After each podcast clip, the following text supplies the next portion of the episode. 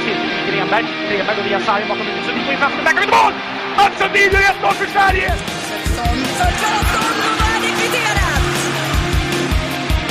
Och så kommer läge och pucken ligger fri och den går i mål! Zibanejad har ni sett! Har ni sett?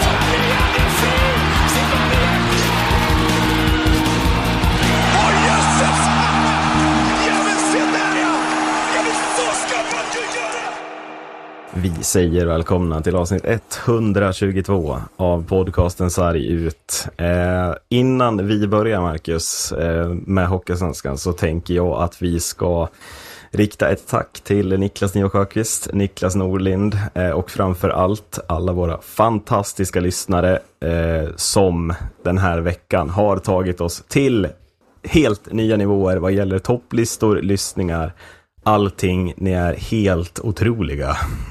Ja, ja men det, alltså, det, det är väl det som man får den här motivationen till att fortsätta för att liksom, så här, man, man får det här tillbaka. Du kände alltså, där när du satt upp och klippte till två på natten att det här är varför jag gör det här. Ja, Ja, precis. Och det kan låta litet för många, men det är fan mer än vad vi någonsin hade förväntat oss i början. Ja, Eh, jo. det känns som att eh, det var, var, var nog ingen av oss som hade förväntat sig Tro, någonting. trodde vi någonsin att vi skulle göra 122 avsnitt av den här podden? Eh, det trodde inte jag i alla fall. när vi började som ett skolprojekt på högskolan. Nej, precis. Ja, det blev som ett sidoprojekt och det blev ett ja, Ja, otroligt precis. bra projekt. Vi har fått väldigt mycket beröm för att vi har hållit igång så länge också. Alltså det är svårt att fatta. Nej, men hur många poddar har, över 100 avsnitt? Det kan inte vara jättemånga då. Några Ja, av Sveriges största inte. poddar har inte ens det. Liksom. Ja. Det är klart det finns, men ja, det är... Ja, Mm. Eh, vi ska kliva in på Hockeyallsvenskan. Vi kommer köra exakt samma upplägg som förra veckan. Eh, med lite gäster, med lite MVP, med lite frågetecken, med lite spotlight. Eh, spotlight kör vi inte med gästerna. Eh, jag tänker att vi ska börja det här avsnittet med vår absolut sämsta gäst. Eh, för här sitter han, vår före detta originalmedlem Andreas Eldebäck. Eh, och är redo att börja prata om sitt fantastiska Djurgården. Hur mår du? Um, ja men jag mår bra. Ehm, det drog igång nu den här veckan med, eller ja förra veckan blir det nästan då. Eh, med eh, SHL och det kittlade till ordentligt. Eh, så att man har ju varit taggad på, på hockeyn igen. Visst Ehm, kittlade det till oväntat mycket? Var det bara Ja. jag? Eller visst var det ändå en Ja, feeling var- som man kände, oj vad livet blev lättare?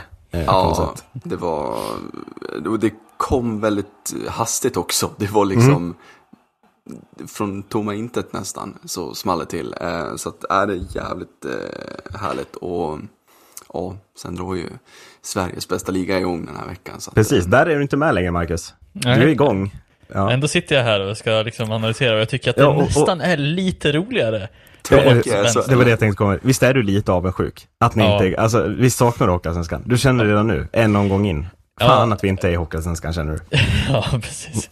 Hade Ja. SHL varit lite bättre hade det varit två omgångar in. Men nej då. Ja, precis. Jag kände det Eh, med tanke på hur defensiv, destruktiv hockey det var uppe i Skellefteå så tänkte jag att ah, fan vad jag saknar Ja. den här jävla High Chaparral-hockeyn nere i Tingsrydshallen liksom. och jag tänker också om vi ska spinna vidare på det Adde sa, givetvis så kommer jag att såga skiten ur detta i vårt första normala avsnitt. Att Modo alltså redan har en match mindre spelad än alla andra lag. En omgång in i SHL. Ja men alltså, hur fan är det möjligt? Det tär ju, det tär ju på en, att när man, så här, man får den här torsdagskänslan och bara yes! Och så är det hockeylördag, så bara nej! De spelar inte ens! Och premiären är på torsdag nästa vecka, det känns som att jag fan har hoppat ett halvår, Alltså, det känns som att det, Det kändes så jävla in character att du gick- ut och söp i lördags och skit Ja, i att se ja, jävla SHL. ja, det var hopplöst. Ja, otroligt märkligt. Ändå Eh, SHL som har en ambition om att ha alla premiärer på lördagar. Mm. Ändå Ja, missar nej. de med ganska långa marginal. Vi måste släppa det här nu. Ja. Eh, Det här blir alldeles för långt annars Ja. ändå. Eh, vi ska gå in på Djurgården med Adde. Var vill du börja, Marcus? Oj. Vart jag vill börja? Jag vill börja i spotlighten. Ja, så, eh, vad, vad tänker du att den är då? Vad den är? Ja, vad, ska, vad, ska jag vi sätta den? Eh, för det är ju, alltså så jag, jag tycker att det blir lite det här år två med ett Djurgården som har lite mindre pengar att röra sig med. Skulle jag säga. Eh, Ja. Och, och där blir väl någonstans, ja, hur stort kommer det kännas, trots att de kan behålla rätt mycket spelare, så tycker jag att spotlighten verkligen blir det här. Garpenlöv med en påse mindre pengar. Eh, hur ska han lösa det liksom? Eh, och, och någonstans där så, så vill man ju ändå säga, man, man, har, man har ju så höga förhoppningar på ett Djurgården, men samtidigt så kommer det den här underliggande motståndarna som är liksom så här med mycket mer pengar än vanligt. Kanske vissa, typ så här AIK eller något sånt där. Att det känns lite, de har mycket att nå upp till eh, med en mindre bra förutsättning, om man kan säga så. Ja, vad säger man? Ehm, jag håller väl med i stora drag att det blir spännande att se vad, vad det blir. Ehm, och det är klart att det där märks av lite grann att det är en eh, lite mindre eh, pengapåse som Djurgården har eh, den här säsongen. Men jag, jag känner mig hoppfull med det jag har skådat på försäsongen. Och eh, jag, jag känner mig trygg. Jag gör faktiskt det. Eh, jag tänker så här att eh, Läckerimäki i Örebro, Östlund i Växjö, eh, Ögren i Färjestad. Kan det vara lite skönt för Djurgården att inte de här tre spelarna ska behöva ticka istid, eh, ska behöva lyftas fram, även om de var bra, men att det kan bli betydligt, betydligt mer. Eh, här är våra rutinerade gubbar som har kvalitet i sig. Ni ska leverera ni kommer få förtroendet. Är, är det positivt eller kommer det, kommer, kommer det vara saknad av de här tre superjuniorerna som ju också har börjat SHL-säsongen? Fantastiskt, framförallt Östlund och Lekkerimäki.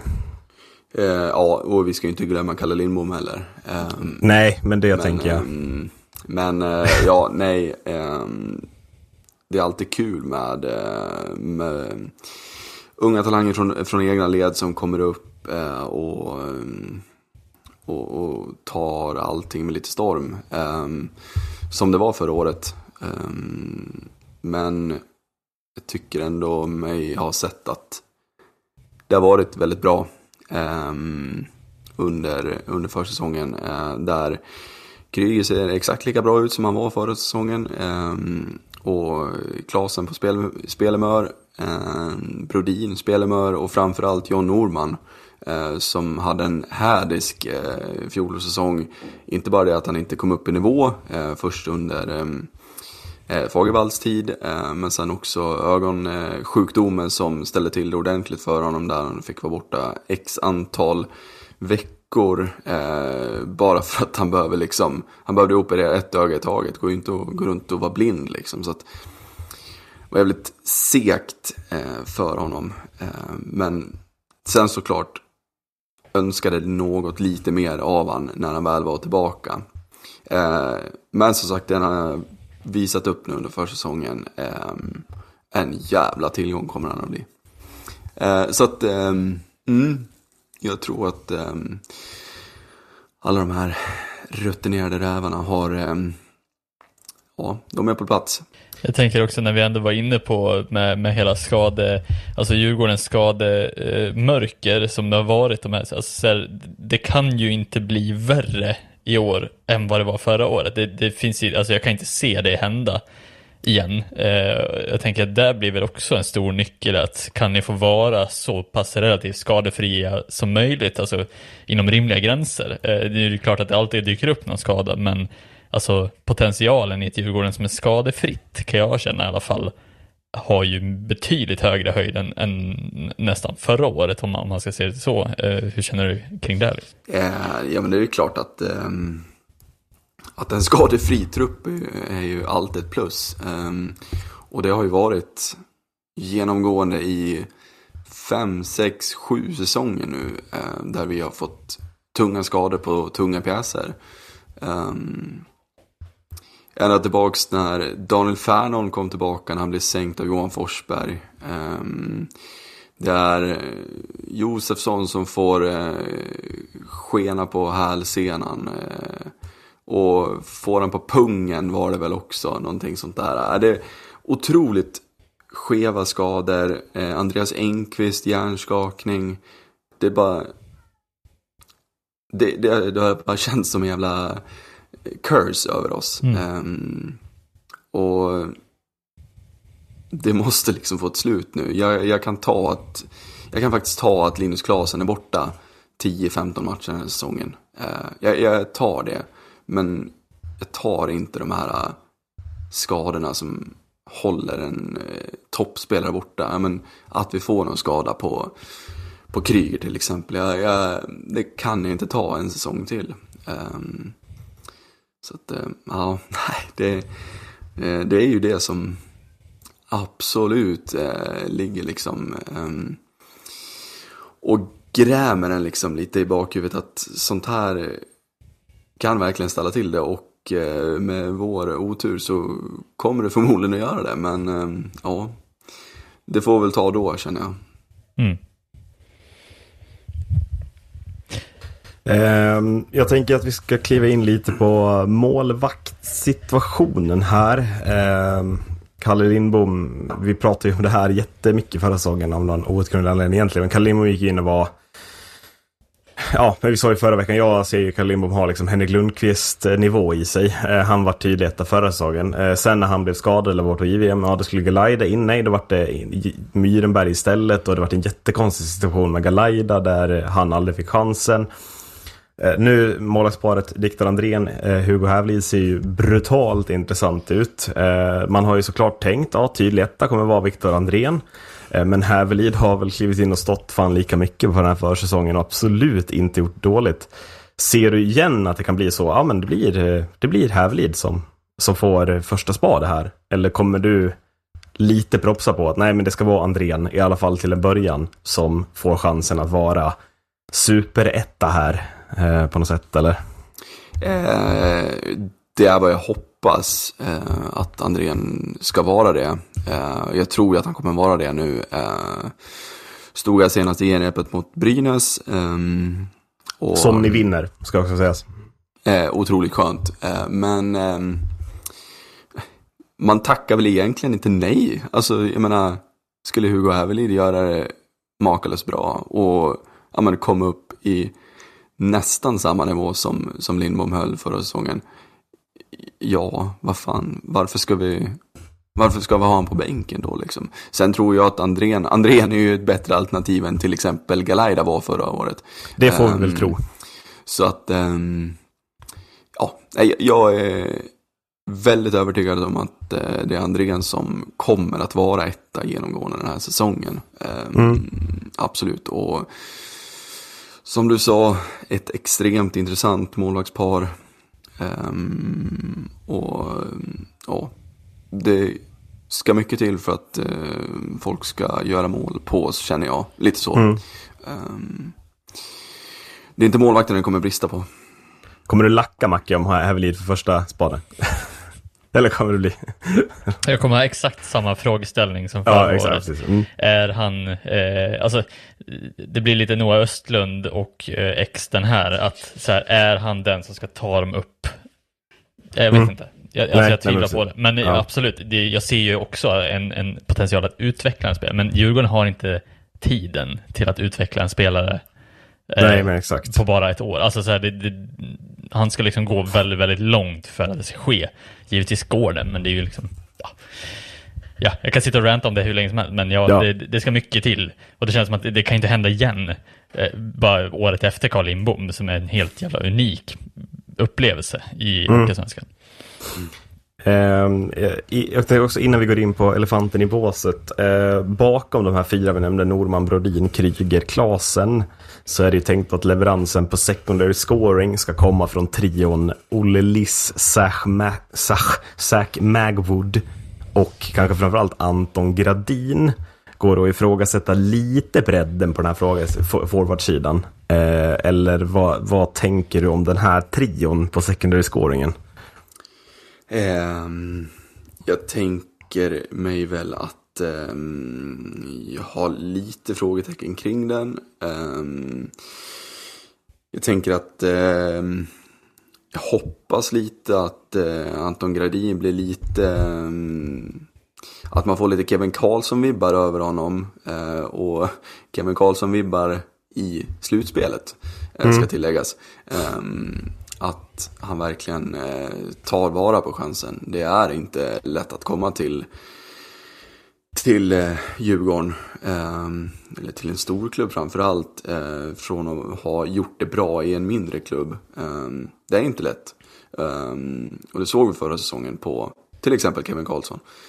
Eh, så att jag eh, svävar absolut inte iväg någonting där eh, och tror att Anton Gradin ska sköta det klanderfritt. Ehm, utan det får tiden lite utvisa känner jag.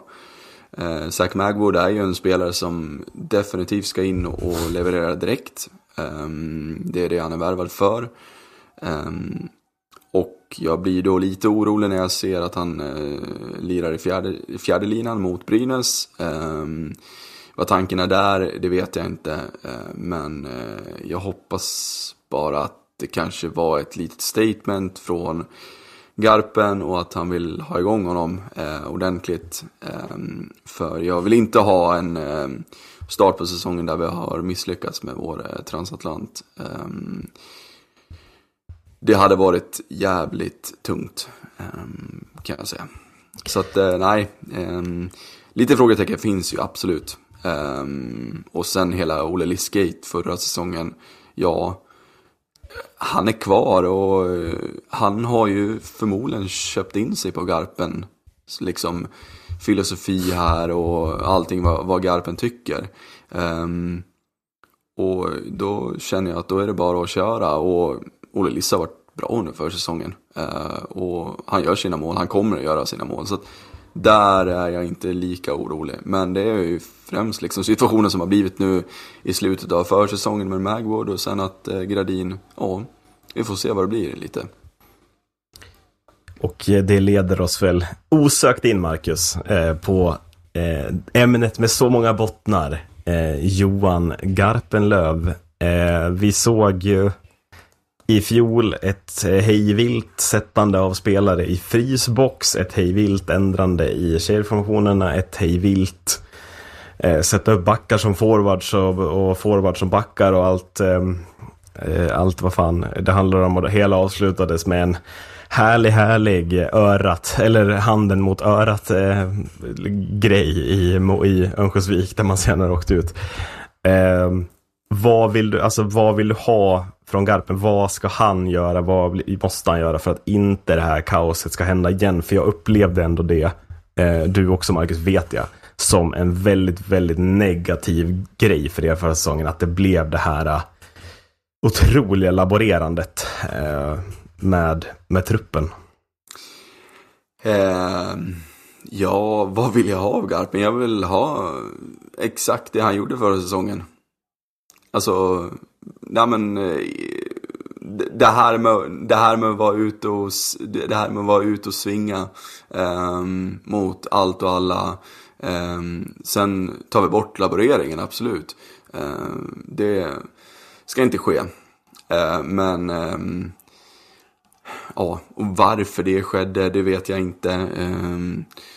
sen kan jag väl tycka att, ja, visst, Niklas Danielsson gjorde det bra. Men, men eh, ja, där är jag väl med er också att det är väl lite det som, som skälper oss i slutändan.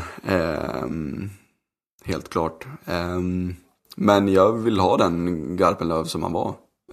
Jag vill ha han som är ute och svingar mot eh, domare, mot eh, motståndare och säger vad han tycker.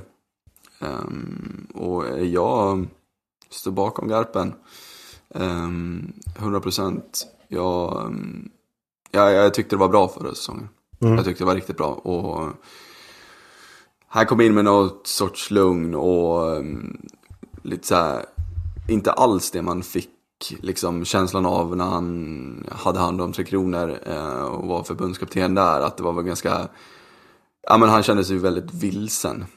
Uh, i den, uh, i den liksom rollen. Uh, och det var ju mina farhågor när han signade på för, förra säsongen. Men mm. jag, jag tyckte han var, jag tyckte han gjorde magiskt bra med truppen som vi hade. Eh, ex de här eh, laboreringarna som sagt då. Men eh, nej, jag, jag, jag, jag, tror stenhårt på honom. Eh, absolut. Det, fi- alltså det finns ju en otroligt positiv Eh, eh, sa, eller aura kring Garpenlöv egentligen, men som känns som att han tappade lite fingertoppskänsla på när han behövde laborera och inte. Det var det som jag tyckte var där han typ tappade det lite. Alltså det med Niklas Danielsson var ju säkert en bra grej till en viss period för att de hade så lite folk och att det är en jättetrygghet. Men sen att inte spela honom som forward i slutspelet istället sen, det var väl där som jag tyckte att han tappade den här fingertoppskänslan i när han behöver vrida om igen och tillbaks. Sen eh, kan man ju alltid prata om kontinuiteten och skadorna och vad som påverkade, liksom. Men jag, jag håller med, jag tycker Garpenlöv var en lugn person, men sen så hade han de här små intentionerna av en ganska eh, orutinerad eh, klubblagscoach, alltså som, som tappar lite på att supportrar påverkar honom negativt. Alltså där kan jag tycka att han var liksom det här med örat och så här, det var ju för att modesupportrarna buade om man ska ha kontexten bakom det. För de buade varje gång han kom med bild. Eh, Ja, men att, det var ju ja. också efter att han tog ett personligt möte med domaren utan att bjuda in. Ja, alltså ja, det, är hela, det är väl det du vill ha, det tänker jag. Alltså du vill att Garpen bara ska kliva fram. Ja, nu ska vi ha ett möte här. Jag skiter i om Modo får en representant med här. Nu ska vi ha det, att använda den typen av auktoritet. Mm. Eh, men om man tänker på, på isen då. Eh, vad vill du, alltså Garpenlöv gjorde ju sig känd i Tre Kronor som en defensiv coach.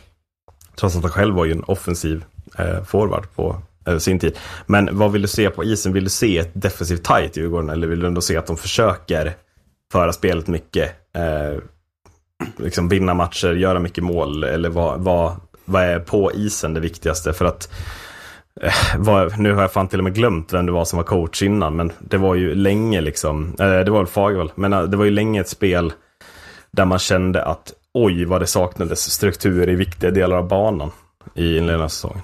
Mm. Eh, ja, absolut. Och var ju det jag tyckte att han kom in med. Um, och det måste vara att de första matcherna så... Eh, det, man kan ju inte säga att offensiven sprudlade direkt.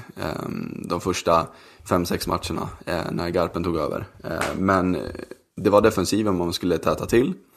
Eh, och det var där det var stora hål och det var extremt liksom konstiga uppspel. Det var um, ostrukturerat. Ja, allt som gick fel kunde gå, eller allt som kunde gå fel gick fel. Um, och ja, jag vill att vi går upp i SHL. Sen om vi vinner matcherna med 7-0 eller 7-5 eller eh, 1-0, det rör mig inte ryggen faktiskt. Ehm, jag vet att ehm, det man fick se förra säsongen så kommer eh, Marcus Kryger och, Linus Klasen och Daniel Brodin att checka in varje, varje match. Ehm, och bara där så har man eh, vunnit extremt mycket, ja, offensivt absolut, men även defensivt i, form av Kryger. Och han, Kryger i sig kan ticka 25, nästan, alltså ja, 25 minuter varje match eh, utan problem. Eh, Spelar till och med skadad stora delar av slutspelet eh, och det visar vilket hjärta och passion han har. Så att, eh, ja, det är det jag vill se. Jag vill se vinster den här säsongen. Ehm, och jag är rätt trygg med att vi kommer få eh, många sådana med oss. Ehm, om vi fortsätter på inslagen väg. Ehm, vi har haft en, alltså resultatmässigt har vi väl haft en, en tuff försäsong. Men vi har också mött SHL-lag till, stora, eh, till stor del. Ehm, vi var bra med mot HV, vi var bra med mot Frölunda. Ehm, ja, och sen så är det ju otroligt skönt att, vända matchen senast här mot Brynäs i genrepet och, och visa att ska inte komma ner och tro att ni är något liksom. Eh, utan det var, ja, det var fantastiskt skönt. Eh, Visst är Brynäs det enda allsvenska motståndare ni mött va? eh, Visst mötte ni fyra ja. SHL-lag och typ ett typ Ja, och- finskt och lag? Eller fan var det? Ja, just det. Vi mötte ju Visby. Jaha, ni mötte- Eh, jaha, Det var ju ja. Visby, Frölunda, HV. Eh, Örebro va? Örebro och sen så var vi ju över till Finland och mötte TPS Åbo. Mm. Det är ju... Så att eh, ja, jag kan gilla den. Alltså, jag gillar den försäsongen. Det, det är ju Ja, tråkigt alltså, att ha division länge 1-lag ni bara. så pass bra ni har varit med i matcherna så känns det som att det inte har gjort dåligt för er på något sätt. Ni kom in med. Eh, ja, Marcus, någon, något mer eller ska vi gå in på våra tre kategorier. Jag tycker vi går in på kategorin. Vi börjar med MVP då. Jag undrar vem det blir. Mm. Ska man vara tråkig? Ja, det ska man. Ja. Eh, det är ju, finns bara en och det är Marcus Kryger. Ligans bästa spelare. Punkt. Till alla som tycker något annat. Ja, eh, och kan ju, jag vill nästan dra det till att det är den bästa spelaren ligan har skådat nästan. Eh, För att han är så Bortsett från lockoutspelare ja. Ja, Ja, men det måste det ju ja, vara. Det ja. måste det ju vara. Mm. Eh, Det, ja, det är helt sinnessjukt eh, hur, som man var inne på det här med hjärta och passion. Um, att, att man har det, um, liksom, man kommer hem från, från sina utlandsäventyr, man har vunnit Stanley Cup, um, man har varit i Schweiz, man har varit i Tre Kronor, liksom, och ändå kommer hem. Man kommer till Allsvenskan och saker och ting var ju inte som, som det var när han lämnade Sverige. Um, Allsvenskan var inte lika eftertraktat. Och det, man visste ju inte riktigt, var det den ligan han trodde att han skulle komma till? Eller, eh, eh, eller eh, och, och skulle åka och, och glida lite, men det visade sig väldigt snabbt att så var inte fallet. Utan han var, han var verkligen tillbaka för att ta Djurgården tillbaka i SHL. Um, ehm, så att, nej, det, det, det, det känns bara så jävla skönt också att se att, ja men dels att den här småskadan, handskadan han hade i slutspelet inte ställde till det något mer. Eh, och att det skulle bli något långdraget in i den här säsongen. Han är här, han är redo, han vinner interna poängligan på försäsongen. Ja, nej, det finns inte så mycket mer att säga egentligen. Det, han, eh, han kommer vara så jävla bra i år så att, eh, ja. Eh, Ett frågetecken då. Allt inte Nej, allt. guld. Allt är inte guld och gröna skogar, absolut inte. Ehm, och frågetecknet eh, blir ju, ja, som sagt, fortsatt egentligen vår backsida kan jag tycka. Ehm, där det är lite mm, strul, eh, kan jag känna. Eh, Ytterell är inte helt liksom redo. Han är inte helt åtställd. Jag tror att han kommer bli en eh, väldig tillgång. Jag tyckte han visade väldigt fina ambitioner under eh, stunden han var med förra säsongen. Um, vad blir det med, med Andersson, med Axel Andersson? Kommer han att, att få ett ordentligt lyft uh, av att komma hem? Kommer han vara den här offensiva kuggen uh, tillsammans med Ytterell då? Uh, kommer Kevin Karlsson att spinna vidare på sitt slutspel han hade? Ja, då ser extremt lovande ut och tycker att han har, han har varit en av våra bästa backar under försäsongen. Så att det känns som att han kommer eh, verkligen att vara med i år. Um, Chilling blir det inget va? Killing, det har jag svårt att se. Det, Du räknar inte in någon med i alla fall? Nej, nej. Ehm, så att, ja. Uh, Hammarlund kommer han att eh, vara en lika stor sensation, om man ska säga, som förra säsongen. Han kanske bara red på, på vågorna. Um, och, och där måste vi ju verkligen få en Hammarlund som är um, redo att eh, ta det defensiva grovjobbet. Um, speciellt nu när till exempel Arnesson är borta och sådär. Så att, eh, och bakom där, ja, alltså det, mm, det, det, det är lite struligt. Um, jag har inte den jättekänslan eh, som jag har till exempel på målvaktssidan och forwardsidan. Ehm, men eh, när alla väl är redo så, ja, då mm, hoppas jag väl att det ska, ska gå vägen. Jag, jag, jag tycker ändå att så här, Ytterell, eh, frisk och allt, jättebra back. Eh, Daniel Glad, frisk och, och kry, jättebra back. Eh, och där har vi väldigt mycket rutin också. Eh, och det är väl kanske det som saknas egentligen, alltså i stora drag, den här defensiva kuggen med bra rutin. Eh, kan jag känna. Eh, En riktig, ja men, vad vet jag. Jason Garrison när han kom in och var helt magisk bakåt liksom. Alltså en sån riktig bara pjäs. Ehm, Ja, det är så otroligt. att, ehm, ja, ja det, ehm, det blir spännande. Jag hoppas att eh, Stoppel har någonting att ehm, plocka fram eh, framåt mitten av säsongen. Ehm, som man kanske kan landa in. Ehm, annars så vette fan eh, om den håller eh, hela vägen. Slutligen då. Eh, tabellplacering. Var slutar Djurgården 23-24 i Hockeyallsvenskan? Eh, Djurgården slutar etta. Oj! På, Eh, ren, på rent hjärta eller på... Nej, men jag Brynäs känner floppar, att... eller? Jag känner att... ehm, det, nej, jag vet inte, jag har en, en feeling och jag har en feeling som inte någon har, verkar det som. Eh, för det är väldigt mycket eh, Brynäs etta och Södertälje ska blandas i och Björklöven ska dit och, och så vidare och så vidare. Eh, men jag har en feeling som säger att det kommer bli väldigt bra. Ehm,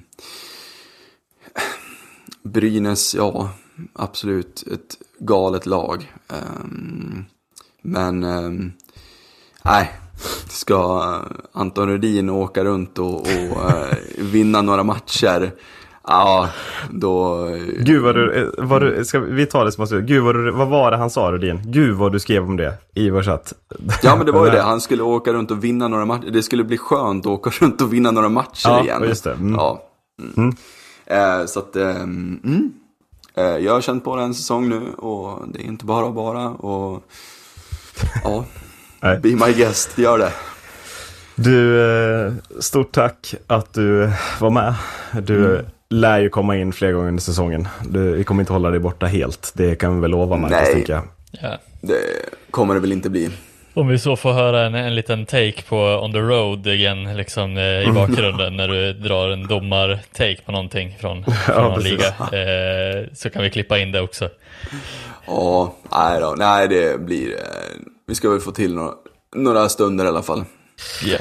Det ska vi få. Eh, vi ska ta en bumper och kasta oss över eh, andra gäster och övriga lag eh, innan klockan blir midnatt har vi tänkt. Eh, så gott Adde, vi hörs.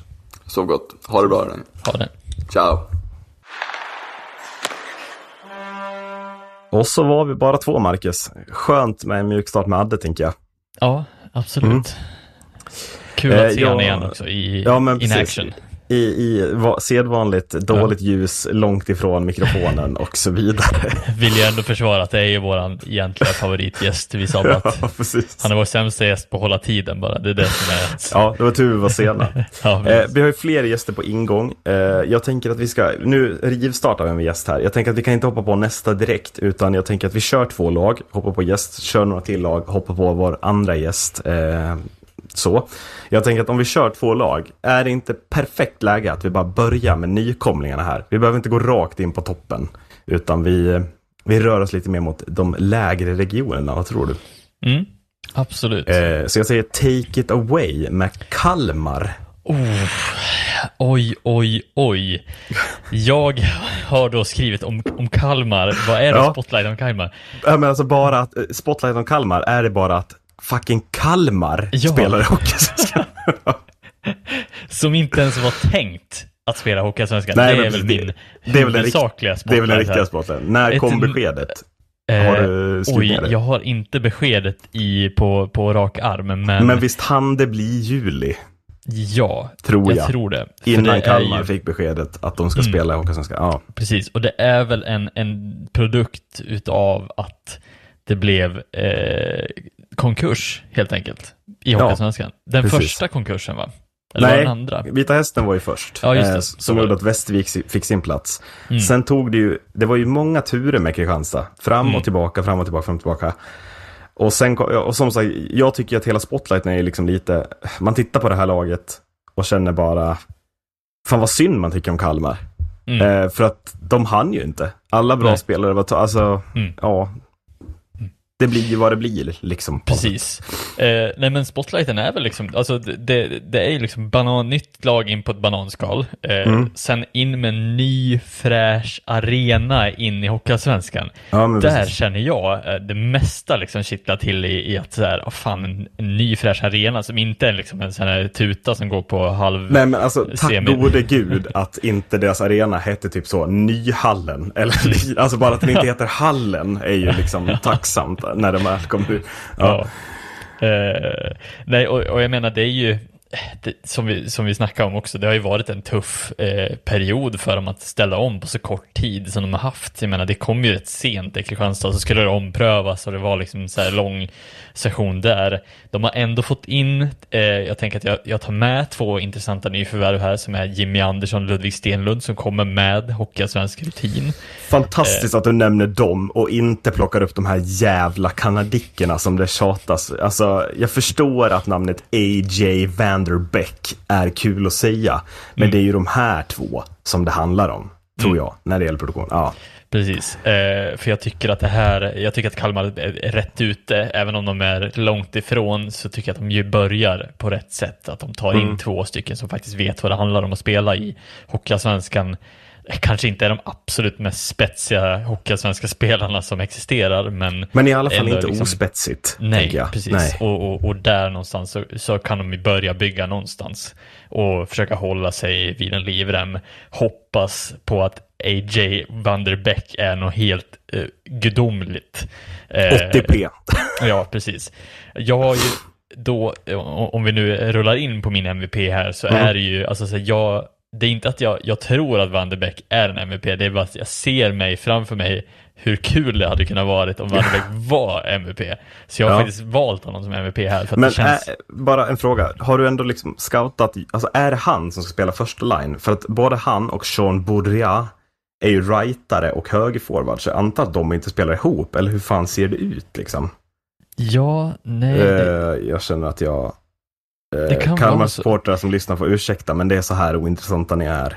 nej men det, alltså, det, eh, det som jag har sett eh, av, av Ja men precis, det är, Van, det är Vanderbeck i första line. Ja, Ja, exakt. eh, Mm. och, och jag, vad jag har sett så har är han som har fått eh, absolut mest ögon och spänning på sig. Eh, Mm. Jag har ju absolut inte någon form av scoutrapport på honom mer än så. Eh, mer än att experterna har sagt att det, det här är en spännande värvning. Jag måste ju bara lita på det och hoppas på att det, det går väl ut för Kalmar, för de har inte så mycket mer att hålla sig fast vid mer än Kevin Nej, nej, de har ju inte råd med skador på den här forwardsidan, det kan vi ju Ja, konstatera. Kevin Sten, Ludvig Stenlund, men nu är Ja, men det finns en Kevin också. De är, de är ju Ja. bröder, va? Ja, vi, hopp, vi kastar den ut i... Hoppas att de är. Eh, yes, men mitt frågetecken blir ju absolut den tuffa marknaden. Alltså, det, de kommer ju in på en absolut helt omöjlig sen, tuff marknad. Hur fan ska de kunna marknadsföra sig själva som en, en utmanare i det här Hockeyallsvenskan också? Ja. Alltså det är lite det som, som blir att de, de kommer in alldeles för sent för att det här ska ens vara möjligt att, att ta sig till slutspel. Gör de det så är bara guld säkrat. Lite. ja, jag är lite inne på, kommer de inte in för sent för att ens ta sig över botten två? Alltså, Mm. ja, Ja. ja. det känns, Ja, det känns alltså, det ruskigt synd. Ja. Ja. Eh, så jag, jag tycker det, det är synd om Kalmar för jag tror att de hade haft bättre förutsättning att, att göra sig vettigare eh, om de haft lite mer tid. Ja, nu tror jag att men- de förstår eh, själva också att det, det är som det är och de får liksom köpa det lite. De har fått en gratis biljett också. Mm. Och jag känner också lite att det kan lite bli också, det är en ny fluga i Kalmar, fotbollen är fortfarande störst, eh, hockeyintresset är ganska nytt. Eh, I Hockeyettan hade man varit ett lag som hade vunnit många matcher, då hade man fått publiktillströmning. Här ser man ju ändå att mm, det kan nog komma sju raka torsk, åtta Mm. raka torsk. Alltså den där arenan, om det vill sig riktigt illa, kan eka ganska tom i de här riktigt tuffa perioderna. Eh, och då kan det ju kännas sjukt oinspirerande, tänker jag, för vissa av de här spelarna. Att, alltså, Mm. ja, är det ens värt det, typ? Jag vet inte. Ja.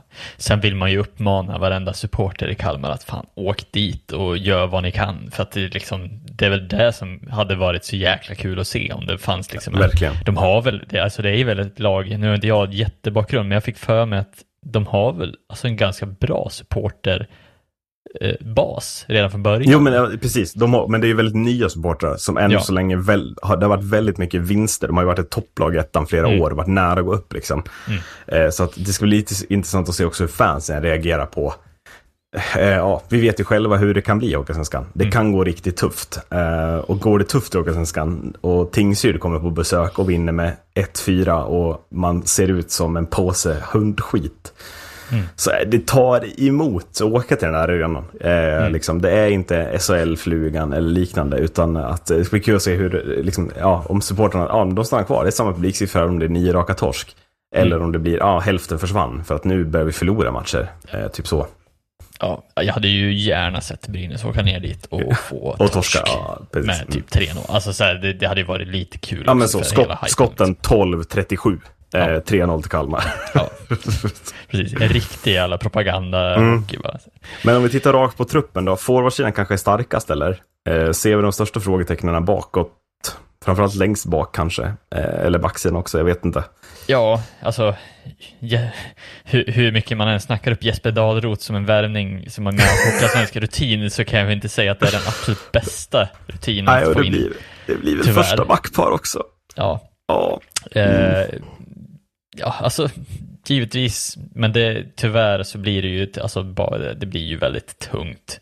Och det kommer vara kämpigt och det kommer behövas vilja i det där laget. mm. Eh, för att kunna plocka hem så många pinnar man kan. Liksom. Eh, ja, tabellplacering återstår eller? Ja, eh, ja, jag tror att de Hur- kommer hur var, sist. Ja, hur var det vi gjorde? Vem började? Var det den som höll i som sa först? Eller var det? Nej, jag kommer inte ihåg, Nej, men ja, jag, nej. jag tror att vi tippar dem Eh, ganska lika.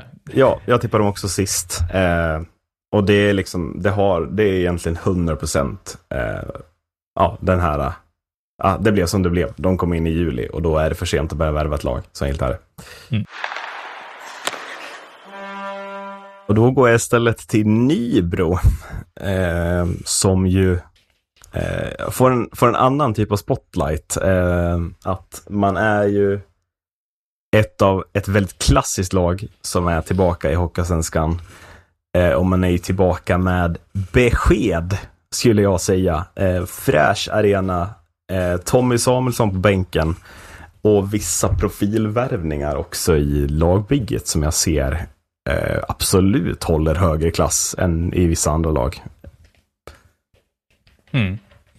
Ja, och framförallt tränarsidan som vi var på väldigt, väldigt tidigt och snackade om är väl en sån otroligt statement att sätta och kanske potentiellt kan vara, eh, alltså så här, vi, jag vet inte om vi snackade om årets värvning, men alltså så här, om Komarek är så pass högt upp i Västeråsbåset, eller i, i, i den hierarkin Ja. i värvningar, vad är då Samuelsson? Ja, men som- det måste ju vara topp fem värvningar i Hockeyallsvenskan. Ja. Alltså, Eh. Och det är sällan man har en tränare på en sån, men det här är ju Ja, alltså jag lutar åt ett genidrag av Guds nåde. Eh, Mm. Jag ser ju Tommy Samuelsson gå in med en tydlig uppgift. Håll oss kvar, etablera oss. Nu kör vi liksom. Här kommer Mm. nya Nybro. Eh, ja, känns sjukt intressant på något sätt.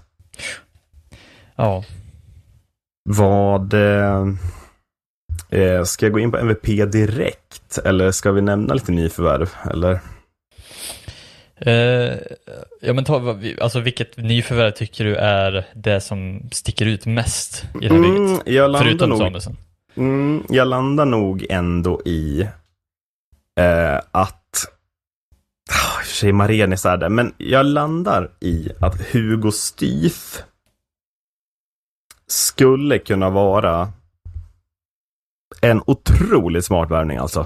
Eh, Mm. Tyckte han gjorde riktigt bra i Vita Hästen. Han fick chansen att vara lite offensiv och härlig. Och här lär ju han få styra första PP. Alltså jag tänker att han... Alltså hur högt kan Styf landa i backarnas poängliga? Jag ser att det kan bli riktigt bra alltså. eh, Om jag ska vara Mm. ärlig. Att det kan bli liksom... Och du, har ju, så du kan ju honom mer. Vad, vad tänker Ja. du? Som har sett honom i en betydligt mindre roll i Modo såklart. Ja, alltså tyvärr så blir det ju lite att Styv har hamnat i ett sånt här fack där man bara väntar på att när ska liksom, när ska det explodera, när ska det komma det här sista lilla extra som gör Ja. att han, han blir en, en toppback i Hockeyallsvenskan. Alltså, jag menar, jag tyckte att han, han har ju potential, men han har mycket kvar att jobba på. Mm. Eh, framförallt i mod och jag förstår att det är därför som han också har lånat ut honom. Men det kanske är ett genidrag att faktiskt också byta lag. Eh, Mm. Liksom få en, få en miljö där han får mer förtroende, mer istid. Eh, för det, blir, alltså det är ju svårt att ta sig in på en backsida där spelare som Daniel Bernhardt och så vidare existerar ovanför i hierarkin, eh, tänker jag. Precis, ja det blev ju lite så här, ja, vad, vad ska vi satsa på? Ska vi, ska vi gå vidare med en, en mer liksom yngre junior i Norén, eller alltså så en junior som, som har lite mera att jobba på framtiden eller ska Mm. vi liksom fortsätta med att tro på att Hugo Styr ska ta en, en, en bättre position i den backsidan som vi hade. Det blir ju väldigt svårt att ta sig in på den i och med att Hugo Styr, alltså han, han besitter ju inte kanske tyngden i, i back, alltså så här, och inte heller den offensiven som vi kanske hade behövt i en ba- backzon. Nej, men exakt. Som, ja. han, han, någonstans så tycker jag att han har, han har tagit större kliv nu som back i att han får styra lite mera, han får vara liksom main back. Han har inte riktigt fastnat i modus liksom och vara någonstans i tredje backpar Nej, och vara en stabil pjäs som, som växer i det heller, utan jag tror att det har varit bättre för han nu och jag tror att han får en ännu mer spännande roll här, för att nu Mm. kan han verkligen få, få lysa fram lite mer. Eh, vi går till MVPn då. Eh, finns inte på backsidan. Han finns inte heller på forwardsidan. Tex Williamson kommer att behöva vara så bra som Tex kan vara, tänker jag. Eh, och är eh, den enda målvakt jag kommer att utse till MVP i våra genomgångar. Men jag tycker att det här är här är det tydligt. Tex måste stoppa skott. Mm. Ja, och eh, det är ju en målis som tyvärr hamnade lite i skymundan förra säsongen på grund av sin långa skadefrånvaro. Eh, Jag tycker aldrig att han riktigt, han, han kommer tillbaka och är helt okej, men han, han kommer aldrig tillbaka och vara den edgen som han var säsongen Nej, han kommer också tillbaks när Christer Gudlevskis höjer sin nivå. Eh, Och då Ja. blir det ännu svårare för honom, ja, på något sätt. Precis, Eh, men jag tycker att det, han stod ju för en stabilitet i bakgrunden som, som var ganska bra att ha i, i det läget. Eh, Inte minst när det, det skadedrabbade målvakts eh, ja, härvet där uppe i, Ja, i toppen som, som hade kunnat blivit liksom. Men ja, alltså en skadefri Williamson i ett Nybro. Mm. Ja. Och jag tänker att är det något han är bra på Tex, han kanske inte är världens bästa på att hålla returer, han kanske inte är världens bästa liksom, tekniker, han kanske inte, men är det något han kan, då är det ju att stoppa skott.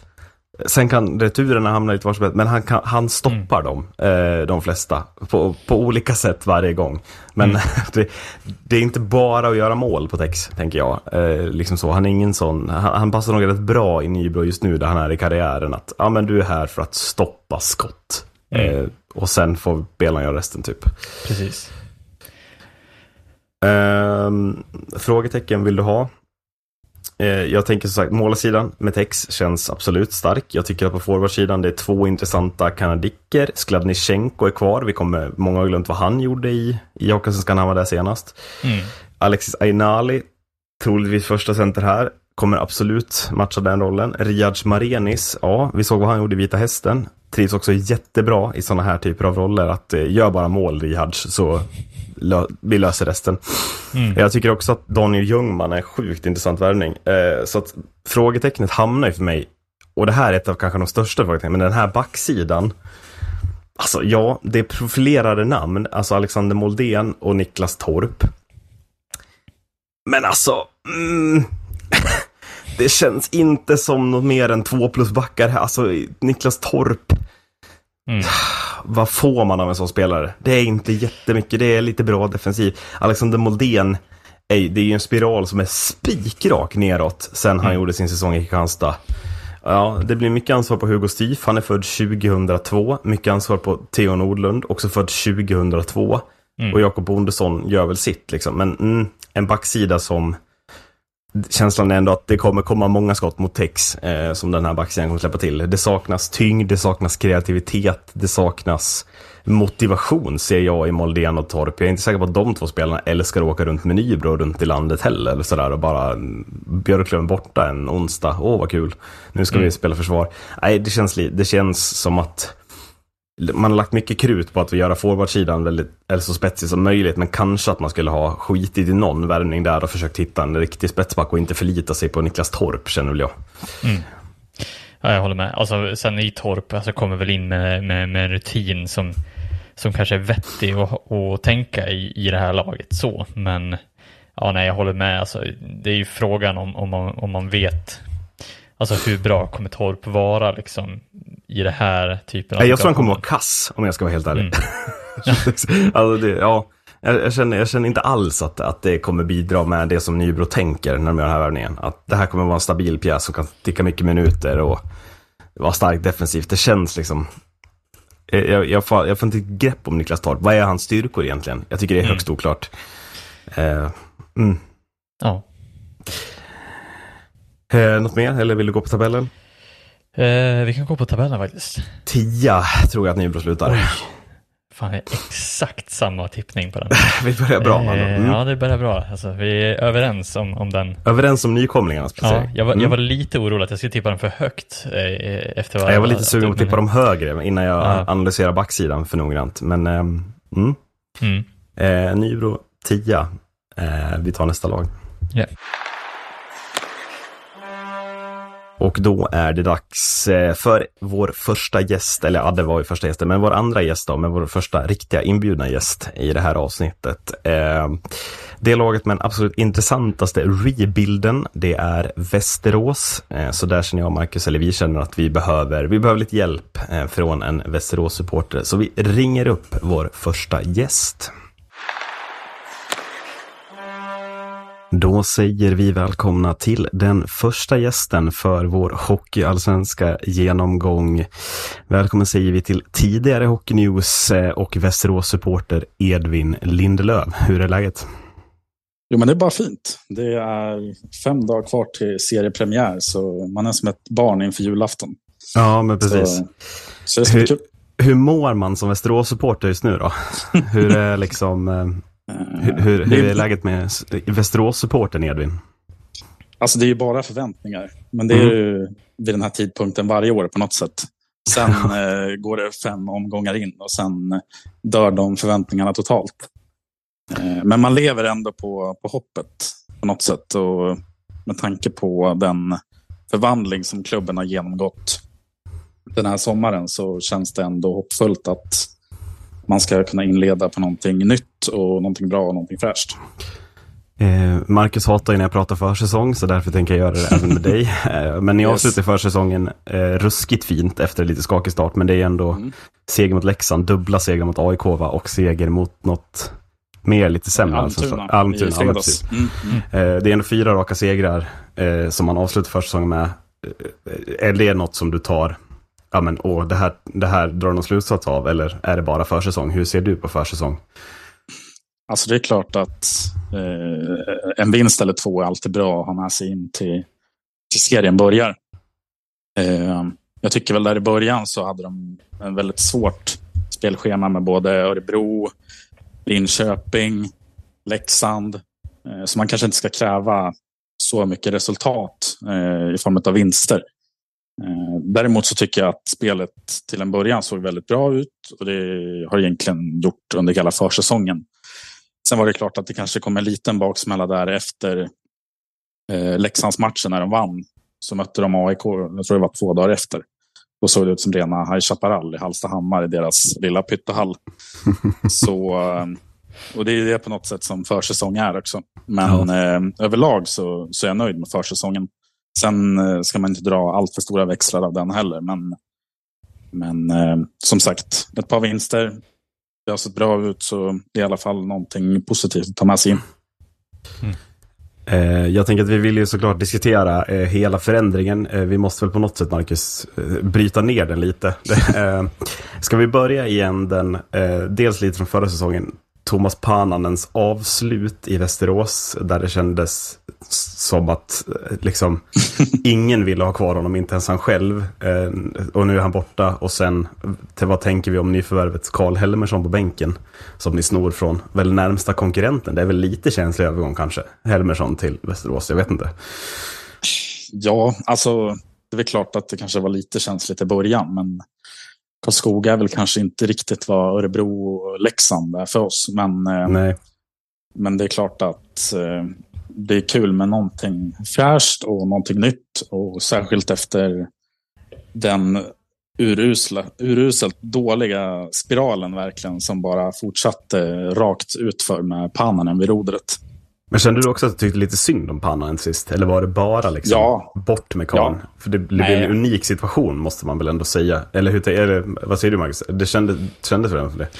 Ja, det kändes lite, men se- sen var det väl inte meningen att det skulle läcka ut kanske eh, på det Nej, sättet som det precis. gjorde, givetvis. Alltså, jag menar, alla lag kommer väl alltid försöka scouta en tränare ganska tidigt eh, med att man håller på med säsongen. Så att, men ja, det var väl kanske lite dåligt skött. Jag vet inte, vi snackade någonting om här lösning. Zoom-möte hade ju kunnat varit en, en, en potentiell lösning till att just dölja det extra bra. Men det här, det är ju svårt att hindra det när han går i korridoren, liksom, att någon ser.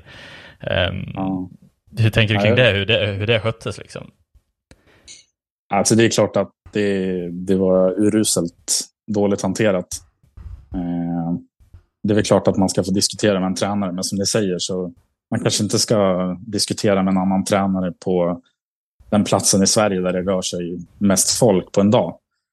Eh, men eh, ja, nej, men jag, jag håller med. Det hade kunnat skötts på ett betydligt bättre sätt. Och särskilt i den sitsen som klubben var i då. Eh, Jag tänker med på att man inte hade några resultat riktigt som...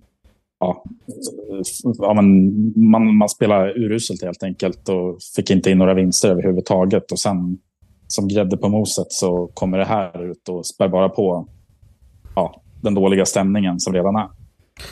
Vad vill du se med Helmersson då? Vad ser du framför dig? Alltså, är det framförallt ett bra spel eller är det framförallt resultat? Eller?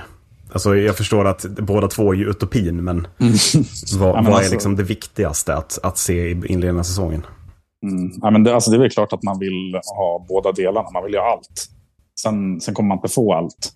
Men eh, det som jag tycker att vi har saknat senaste åren är väl en tydlig spelidé.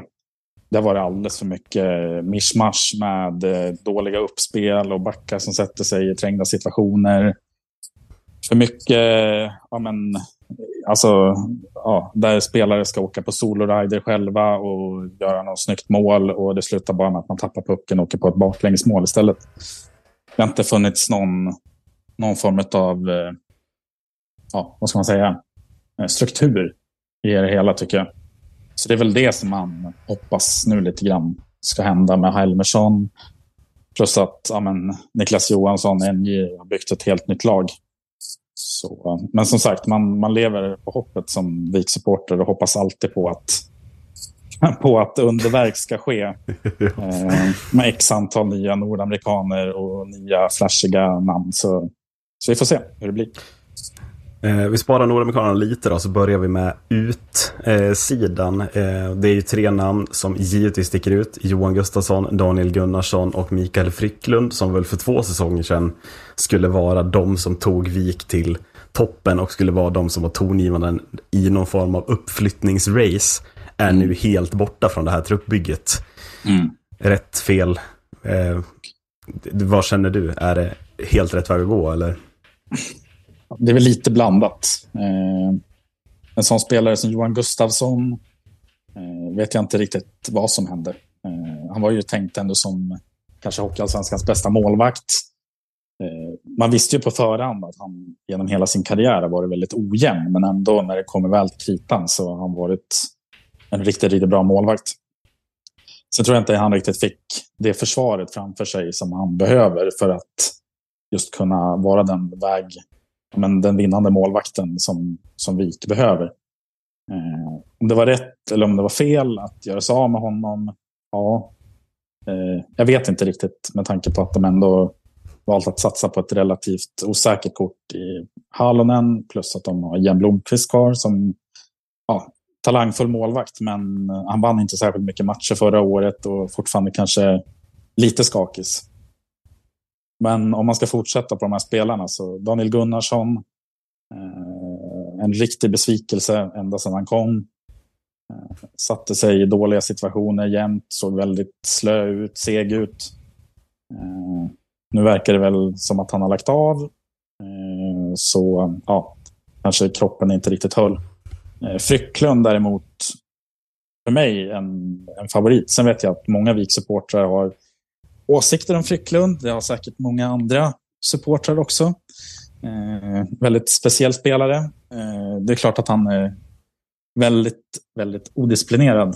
Eh, väldigt ojämn, men när han väl är som bäst så skulle jag vilja säga att det är en av Hockeyallsvenskans bästa spelare. Mm.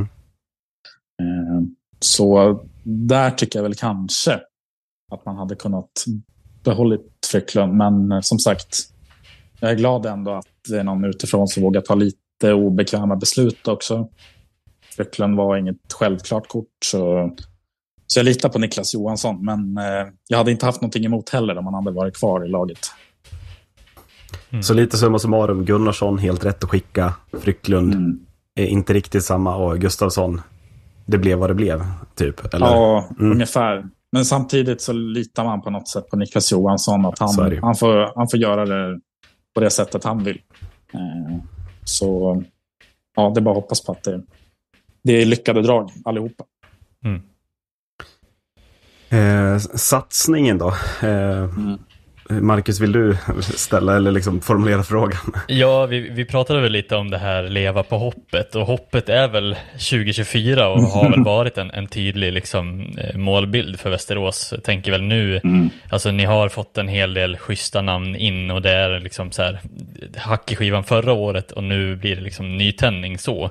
Eh, givetvis eh, är väl det en- alltså, en bra förhoppning, men sen också vet, alltså med bilden också av att Brynäs och Djurgården och Björklöven och alla de här finns och ska utmana om samma sak. Hur, hur känns liksom, vad har du för förhoppning på det här laget? eh, Att, att det ska uppnå det här målet den här säsongen? Eller blir det liksom en ny eh, satsning?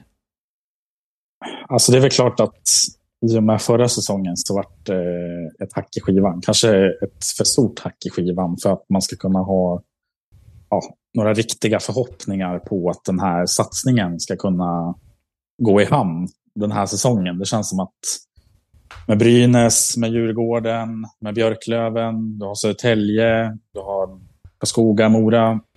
Det är ett jäkla nålsöga du ska ta dig förbi. Eh, så Sen känner jag väl också kanske lite grann att i och med förra säsongen att supportrarna vart också lite så här bara, ja, aha, nu, nu går det åt helvete. Eh, men, eh, ja, men jag tror ändå att det är rätt att ha den här satsningen. Sen kanske man inte ska ha jättehöga förhoppningar på att ja, det går hela vägen i år. Men ja, i alla fall att man har stakat ut vägen inför framtiden och vill någonstans. Eh, det är bara att kolla på hur mycket partners och sponsorer de drar in. Eh, och man drar ju ändå ett rejält hack upp i spelarbudget. Så förhoppningen är väl kanske precis som Björklöven har gjort de senaste åren att kunna växla upp och kunna ta kliv. De, de, de fortsätter ju bara. Eh, och det tror jag kanske vi kan också. Men det blir väldigt svårt när just Brynäs och Björklöven spelar i samma serie. Mm. Vad känner du kring eh, ja, men, satsningen på top forwards då? Det är väl ändå fem, eller ja, fyra amerikaner och Konstantin Komarek. Det är ju inte liksom en svensk satsning så. Det är ju, man plockar in, det är ju importsatsning, vi pratar Mm. väl ändå.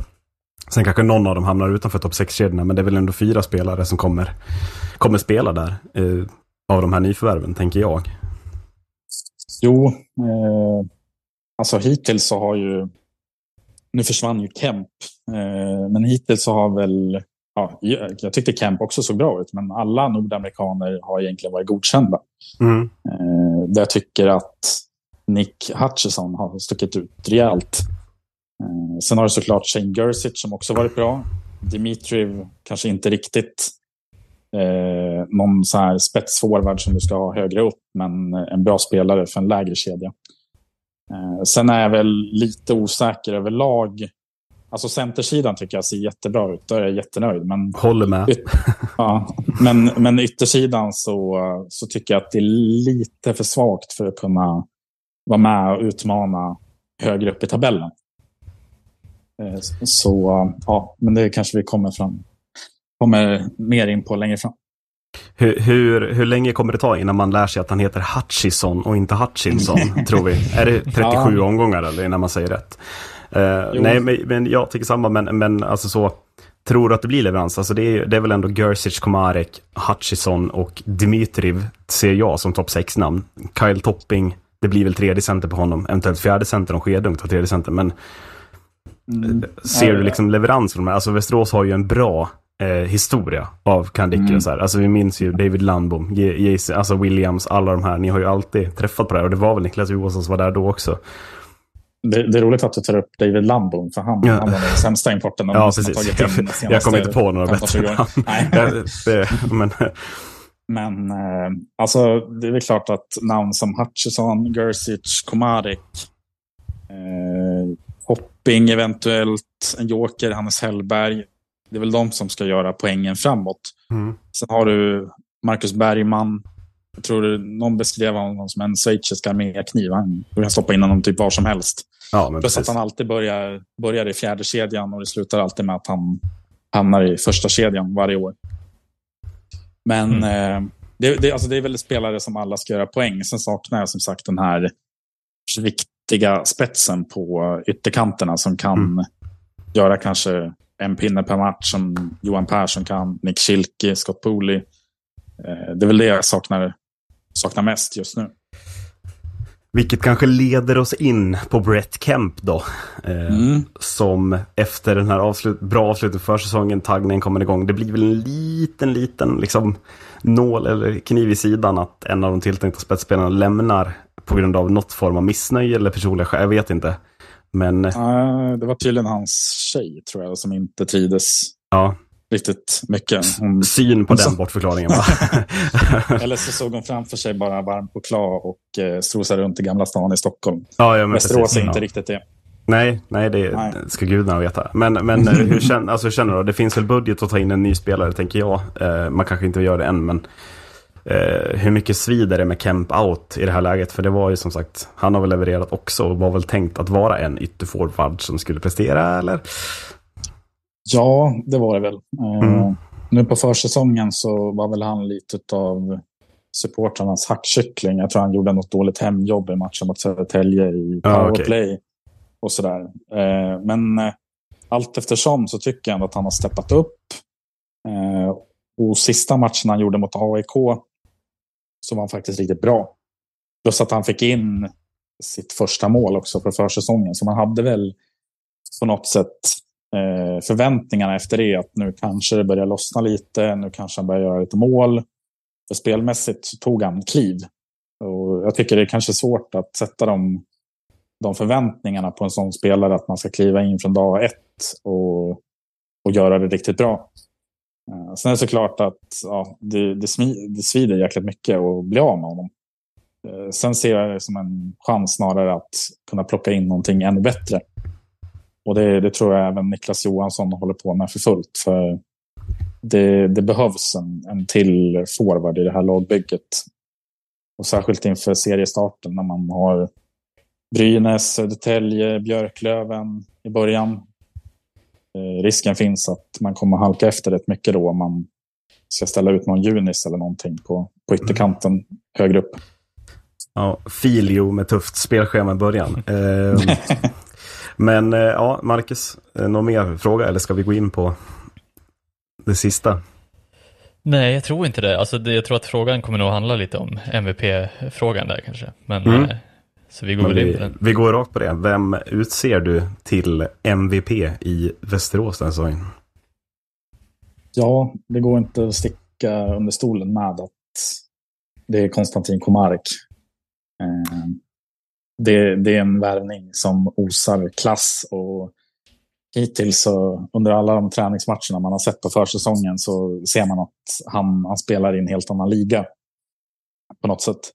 Eh, Och han kommer bli oerhört viktig för det här laget tror jag. Eh, Sen, Vad, sen är vad, vad tror du, vad är förväntan då? Alltså vad, vad, vad tror du, vilken typ av leverans krävs? En poäng per match? Är det det vi pratar typ eller?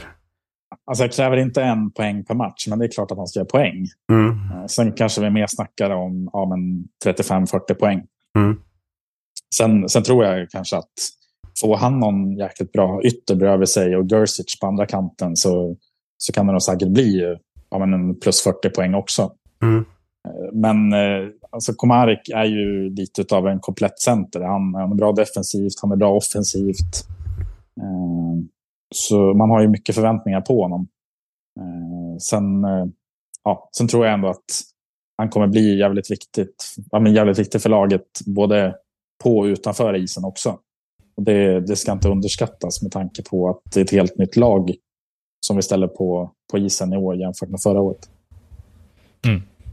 Jag tänker, eh, jag har en fråga kring just, eh, just Konstantin Komarek också. Eh, Bara för att sätta kontext på för alla som inte har koll så känns det ju lite som att så här, ja, vad jag har sett i alla fall så är det här den högst rankade värvningen i Hockeyallsvenskan i år. Mm. Och de flesta tycker att det här är den absolut bästa värvningen som görs eh, hittills i alla fall.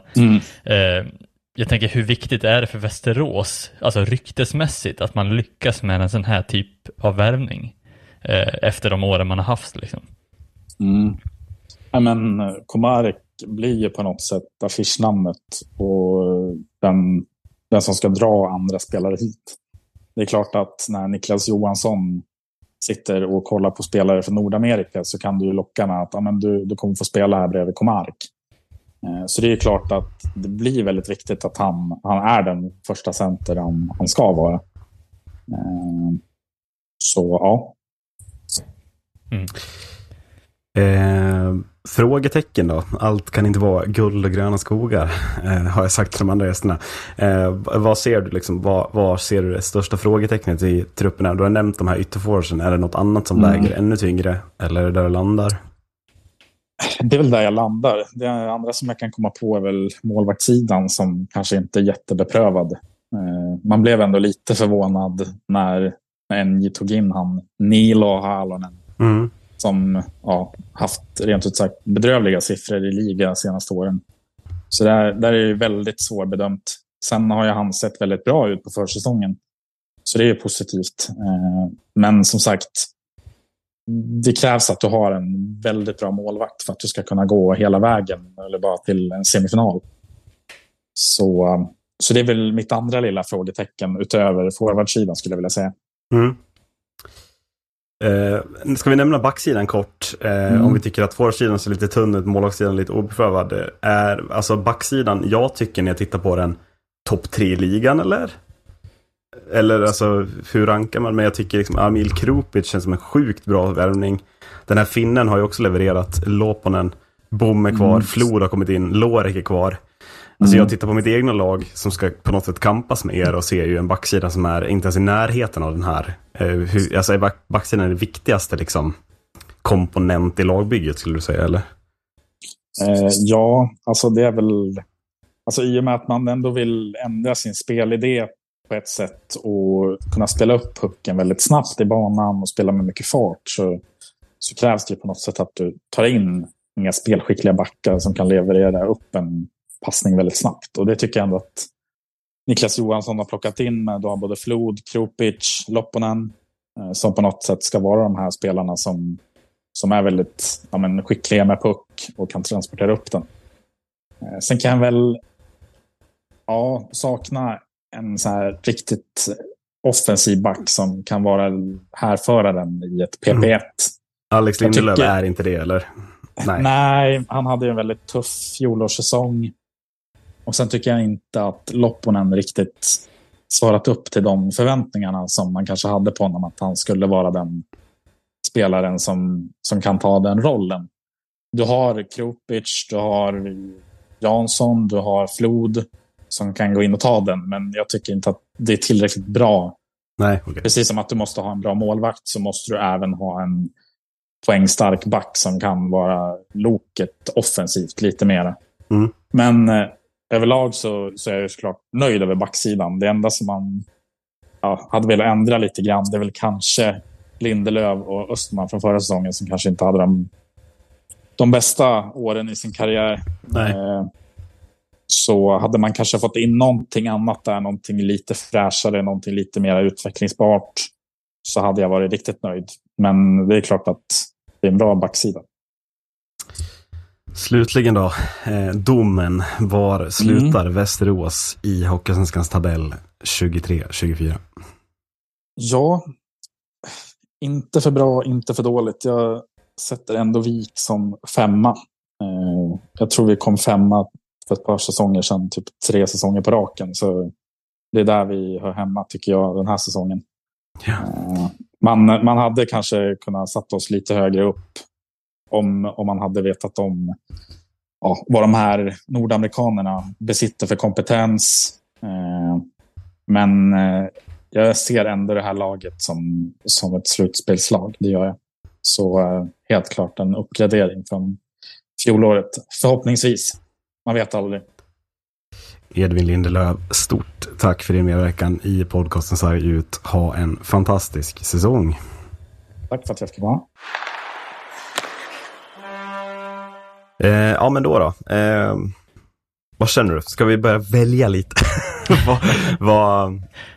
Den, den sköna viben är att välja lite. Det är Mm. fantastiskt. Eh, Eh, Men jag, jag tycker att vi ska, vi ska väl eh, vi ska väl gå in på elefanten i rummet. Ska vi, eller, Eh, okej, ska- vilken är det då? Jag tycker att elefanten i rummet, nej då. Nej men jag tycker att vi ska gå in på Brynäs. Alltså Ja. snackisen som, som alla vill. eh, vi, vi går stenhårt i det du säger. vi går stenhårt. Ja. Eh, och jag ska berätta för dig eh, precis vad som är spotlighten i Brynäs. Här ska bli intressant. Eh, för att spotlighten i Brynäs, ja den heter Tyler Wesser, Tyler Kelleher, Greg Scott, Anton Rudin, Johan Larsson, Anders Lindbäck, Chad Billens, Simon Bertilsson and the list goes on. Du nämner alltså inte Mix Indrasis och eh, Janne Kindvall på den här listan. Och det är liksom bara... Det är för att jag fick orkar slut inte. på luft. Ja, men jag, jag, precis, alltså, så här, du, du hade behövt kväva dig själv för att Mm. nämna alla. Och det är liksom... Mm. Eh, nej, men det, alltså Brynäs kommer ner med ett, med ett löjligt eh, SHL-lag. Eh, Vad kostar den här truppen? Ja, jag, vill, jag vill inte veta den siffran. Nej. jag vill Jag- inte veta den siffran. jag tror inte SHL hade velat veta den här siffran. Nej, nej jag, vill, jag, vill inte, jag tror inte Eh. någon vill veta det. Nej. Nej. Eh, För att grejen är att de, de har inte kommit ner med ett hockeyallsvenskt lag, de har inte kommit ner med ett bottenlag i SHL. Eller, jag Inte bara att pappret, här, nej. nej. jag tycker att Nej. det här är ett lag som nästan kan utmana om att vara med i slutspelet i SHL. Alltså det är den typen av nivå som jag tycker, alltså för jag tycker att det här är ett step upp från deras förra säsong nästan. Mm. Och, och tyvärr så ligger vi väl, väl där i att det är de här som något lag ska utmana i liksom Hockeyallsvenskan. Något lag ska slå det här laget i sju matcher. i, i slutspelet. Och Eh, och det är ju Herregud. säsongens fråga. Vad svaret är på den frå- eh, frågan. Ja. Mm. Det, kommer någon att lyckas? Kommer någon att hålla ut mot det här laget? Det är väl ja. det. Eh, och, och många har ju liksom ställt frågan, alltså så här, är Brynäs så bra? Är de, alltså så här, kan de lyckas? Kan de göra en bounce back? Har de bara gjort copy-paste? Alltså jag tycker att det här laget, även om de har kopierat mycket av framgångsreceptet från HV, eh, så känns det lite som att ja, det, är, alltså, det är så löjligt starkt så man kan inte säga någonting annat heller riktigt. Eh, sen kan det vara så att vissa floppar och inte, men alltså, jag, Ja, det spelar liksom ingen roll om tre spelare floppar. För då Ja. är det fortfarande sju kvar som Ja. är total spets i Mm. alla andra lag. Eh, Mm. mm. Och har de den här fickan med pengar nu, ja vad kommer det då dyka in där i december när Västervik har misslyckats med sina... Eh, Ja, men, sin- men alltså vi såg vad slutspel. gjorde. Vad var det de värvade där? Det var Mm. väl Kelleher, Miles Powell och eh, någon mer random amerikan. Bara, Mm. här kommer en ny andra femma. Mm. Jaha, okej. Ja. Och så typ en kontroversiell eh, KL-värvning också. Ja, det var han jag menade. Vad fan hette Ja. han? Jag har glömt. Det är en quizfråga för ett annat avsnitt. Ja. Ja, jag tänker att Brynäs gör en sån också i slutet av december sen. ja, ja, ja, ja utan tvekan. Allt för vinna. Nej då. Men eh, alltså så här, det, det, det som jag tycker är Alltså så här, jag har också skrivit ner, det var ju det som var så roligt också, så här, ta ut ett intressant nyförvärv från det här laget. Eh, då har jag skrivit Mix Indrasis, givetvis. Ja, Eh, Han vill jag också prata om. Ja, för jag Eh, tycker att det är eh, en otroligt intressant värvning. Och fan vad bra han har varit på försäsongen. Som du Ja. ska prata om. Eh, Ja, men precis. fan vad bra. Mm. Eh, kommer då från tyska ligan från början, men kanske mer känd från VM-succén med Lettland sist. Ja, det är ett genomgående tema i hela Hockeysverige. Precis, Lettlands VM. Det kän- känns som att alla har köat, tagit en kölapp och bara vilken lettisk VM-forward får vi? Nu är, de först, nu är de första sju värvade, då har vi gubbe åtta. Tänkte, Ja, ja, det är liksom, Ja, mm. nej, så då var det lite kösystem på det. Så, men det gillar väl Lettland? Alltså de får ju spela i Europa är och får liksom... Alltså, lätt, Ja. alltså lätt, Lettlands hockeyutveckling från det här VM, det är ju också ett annat avsnitt, Mm. men eh, sjukt intressant. Mm, Precis, i slutändan gör det vi lettiska. Mm. VM-succéer. Ja, nej, så jag, jag tycker att det ska, ska vara någon som man kan hålla koll på i det här laget och eh, jag tycker att eh, alltså, om man inte redan håller koll på samtliga spelare så kan man i alla fall dra ett extra öga på den här spelaren för att ja, måtte det inte vara mest intressanta. Eh, för de andra ska ju bara leverera, tänker jag. Ja, ja verkligen. Eh, MVP då? MVP. På tal om svåra beslut. Ja, precis. Vem är inte MVP? Nej, men jag tycker att det här är en ganska lätt puck att, Det tycker att inte jag. hantera. Jag tycker att Johan Larsson måste vara MVP här Mm, du för landar att där. hålla ihop laget. För jag Mm. tycker att det är väldigt spretigt. Alltså Och så i- verkar väl tränartrion ha tänkt också med den här kaptens eh, C1 eh, som sitter på Larsson den här säsongen. Mm. Precis, eh, så någonstans för att, för att liksom binda ihop alla olika typer av spelare, alla olika typer av värvningar och så vidare, så tycker jag att Johan Larsson ska vara den som ska verkligen lysa med också sin motivation att kliva ner med Brynäs i Hockeyallsvenskan, trots att han egentligen borde be- befinna sig i SHL. Eh, och där tycker jag det blir den viktigaste, och det blir väl för alla de spelarna egentligen som, som tillhör SHL. Vad sa ryktet? Att Larsson hade ett bud från något SHL på typ 300 000 i månaden, tror jag. Eh, jag vet jag inte om det stämmer det. eller var det kommer ifrån. Men eh, det säger ju mycket såklart. Mm. Att han, väljer, han får inte den lönen här. Så enkelt är det. Nej, och, precis. Och, och just den viljan att, att verkligen kliva ner och visa vad han går för i Hockeyallsvenskan, det är den han måste, han måste vara utmanaren till Kryger för att det här ska gå vägen tycker jag. Mm, mm. Eh, man vill se nästan lika alltså, krigarinstinkt på eh, Larsson som, som Kryger har visat upp. Och då har ändå Kryger misslyckats med att gå upp i SHL, så att, så att det kommer att krävas alltså, att han får med sig en hel drös med spelare. Mm, mm. Och nu kommer Ja. vi till din favoritfråga. Eh, ja, och här kommer vi ju till eh, det, enda eh, frågetecknet där jag kommer kräva att du har en specifikt svar. Ja, För annars kommer jag avbryta dig och ta upp det. Ja. ja nej, eh, frågetecknet blir ju det som du har nämnt tidigare också med Niklas Hjelstedts tränare eh, för Brynäs. Han kommer ju med, ett- alltså han kommer med ett guld från schweiziska ligan givetvis, men alltså bakom Som ASS-coach, va? Ja, precis, som Mm. ASS-coach. Men givetvis så saknar han ju all form av senior eh, erfarenhet från svensk ishockey överhuvudtaget. Han har Mm. ingen seniorliga som han har spelat i. eh, Hur tänker man som sportchef när man har den här truppen med så många individer som är stjärnstatus på den här ligan och tar en sån här oprövad tränare? Eh, det är ett val från Johan Alsén som jag tror att han kan få äta upp rejält den här säsongen. Om det, alltså jag tror att det kan det kan svida något enormt för honom att han gör det här valet. Men eh, han tror ju på Elstedt typ, uppenbarligen. Så. Ja, eh, och, och, och där kan jag också bara bolla in med att när man tar en tränare som ska ta ett, ett SHL-lag, alltså i princip rakt av SHL-lag, till att formas om till att spela hockey, alltså svensk hockey, och inte tar en rutinerad coach från svenska ligorna, utan man tar en schweizisk coach, assisterande coach. Ass-coach. Mm. Eh, så det är en helt annan typ av hockey som jag tror att de tror att de behöver spela. Mm. Eh, och det är väl där som det blir faran i att så här, okej, kommer man ner och spelar typ som Modo gjorde när vi klev ner också och trodde att ja, men vi kan spela som ett SHL-lag, då kommer vi Mm. vinna. Det, det funkar inte riktigt på det sättet. De måste liksom forma om sig lite. Och här har man ju helt klivit ifrån modellen HV71 för två säsonger sedan. Mm. Eh, tycker jag. Ehm, det verkar också som, ehm, alltså man ska ju spela något form av typ offensivt pressspel här. Ehm, ja, okej. Ja. Gör det då, eller vad? Ja, precis. Och, och jag menar, alltså man har ju materialet, man har kun- kunskapen i spelarna, men man måste också ha den alltså, taktiska den taktiska egenskapen också. Mm. Jag förstår inte hur man inte kan ha ögonen mer på Hockeyallsvenskan i år och tycka att Kimby är typ en otrolig värvning Ja, nej, från men alltså, Almtuna eh, som sitter kvar där egentligen. Alltså så här, om- man ska se det så, så, Ja, ha, så jag fanns ju svaret också kanske. man skulle behöva någon som liksom så här vet, ja, precis kan allsvenskan, så här, vad hur ska vi spela för att Mm. Brynäs behöver ju styra spelet och så här, visst offensivt alltså pressspel, vinna pucken högt. Mm. Men ja, fungerar det inte bra alltså, så finns det ju allsvenska, kvalitet i allsvenskan där man spelar förbi en sån press. Eh, Ja. och då, då ska det till ett enormt hemjobb från gubbar som Tyler Keller, Jack Opaka, Anton Rödin. Ja, jag ser inte dem skate allt vad de har hem. Eh, utan, mm. Mm. Nu är inte Kimby heller otroligt rutinerad, men jag tror Nej, att men jag han har- menar. Han kan ju det.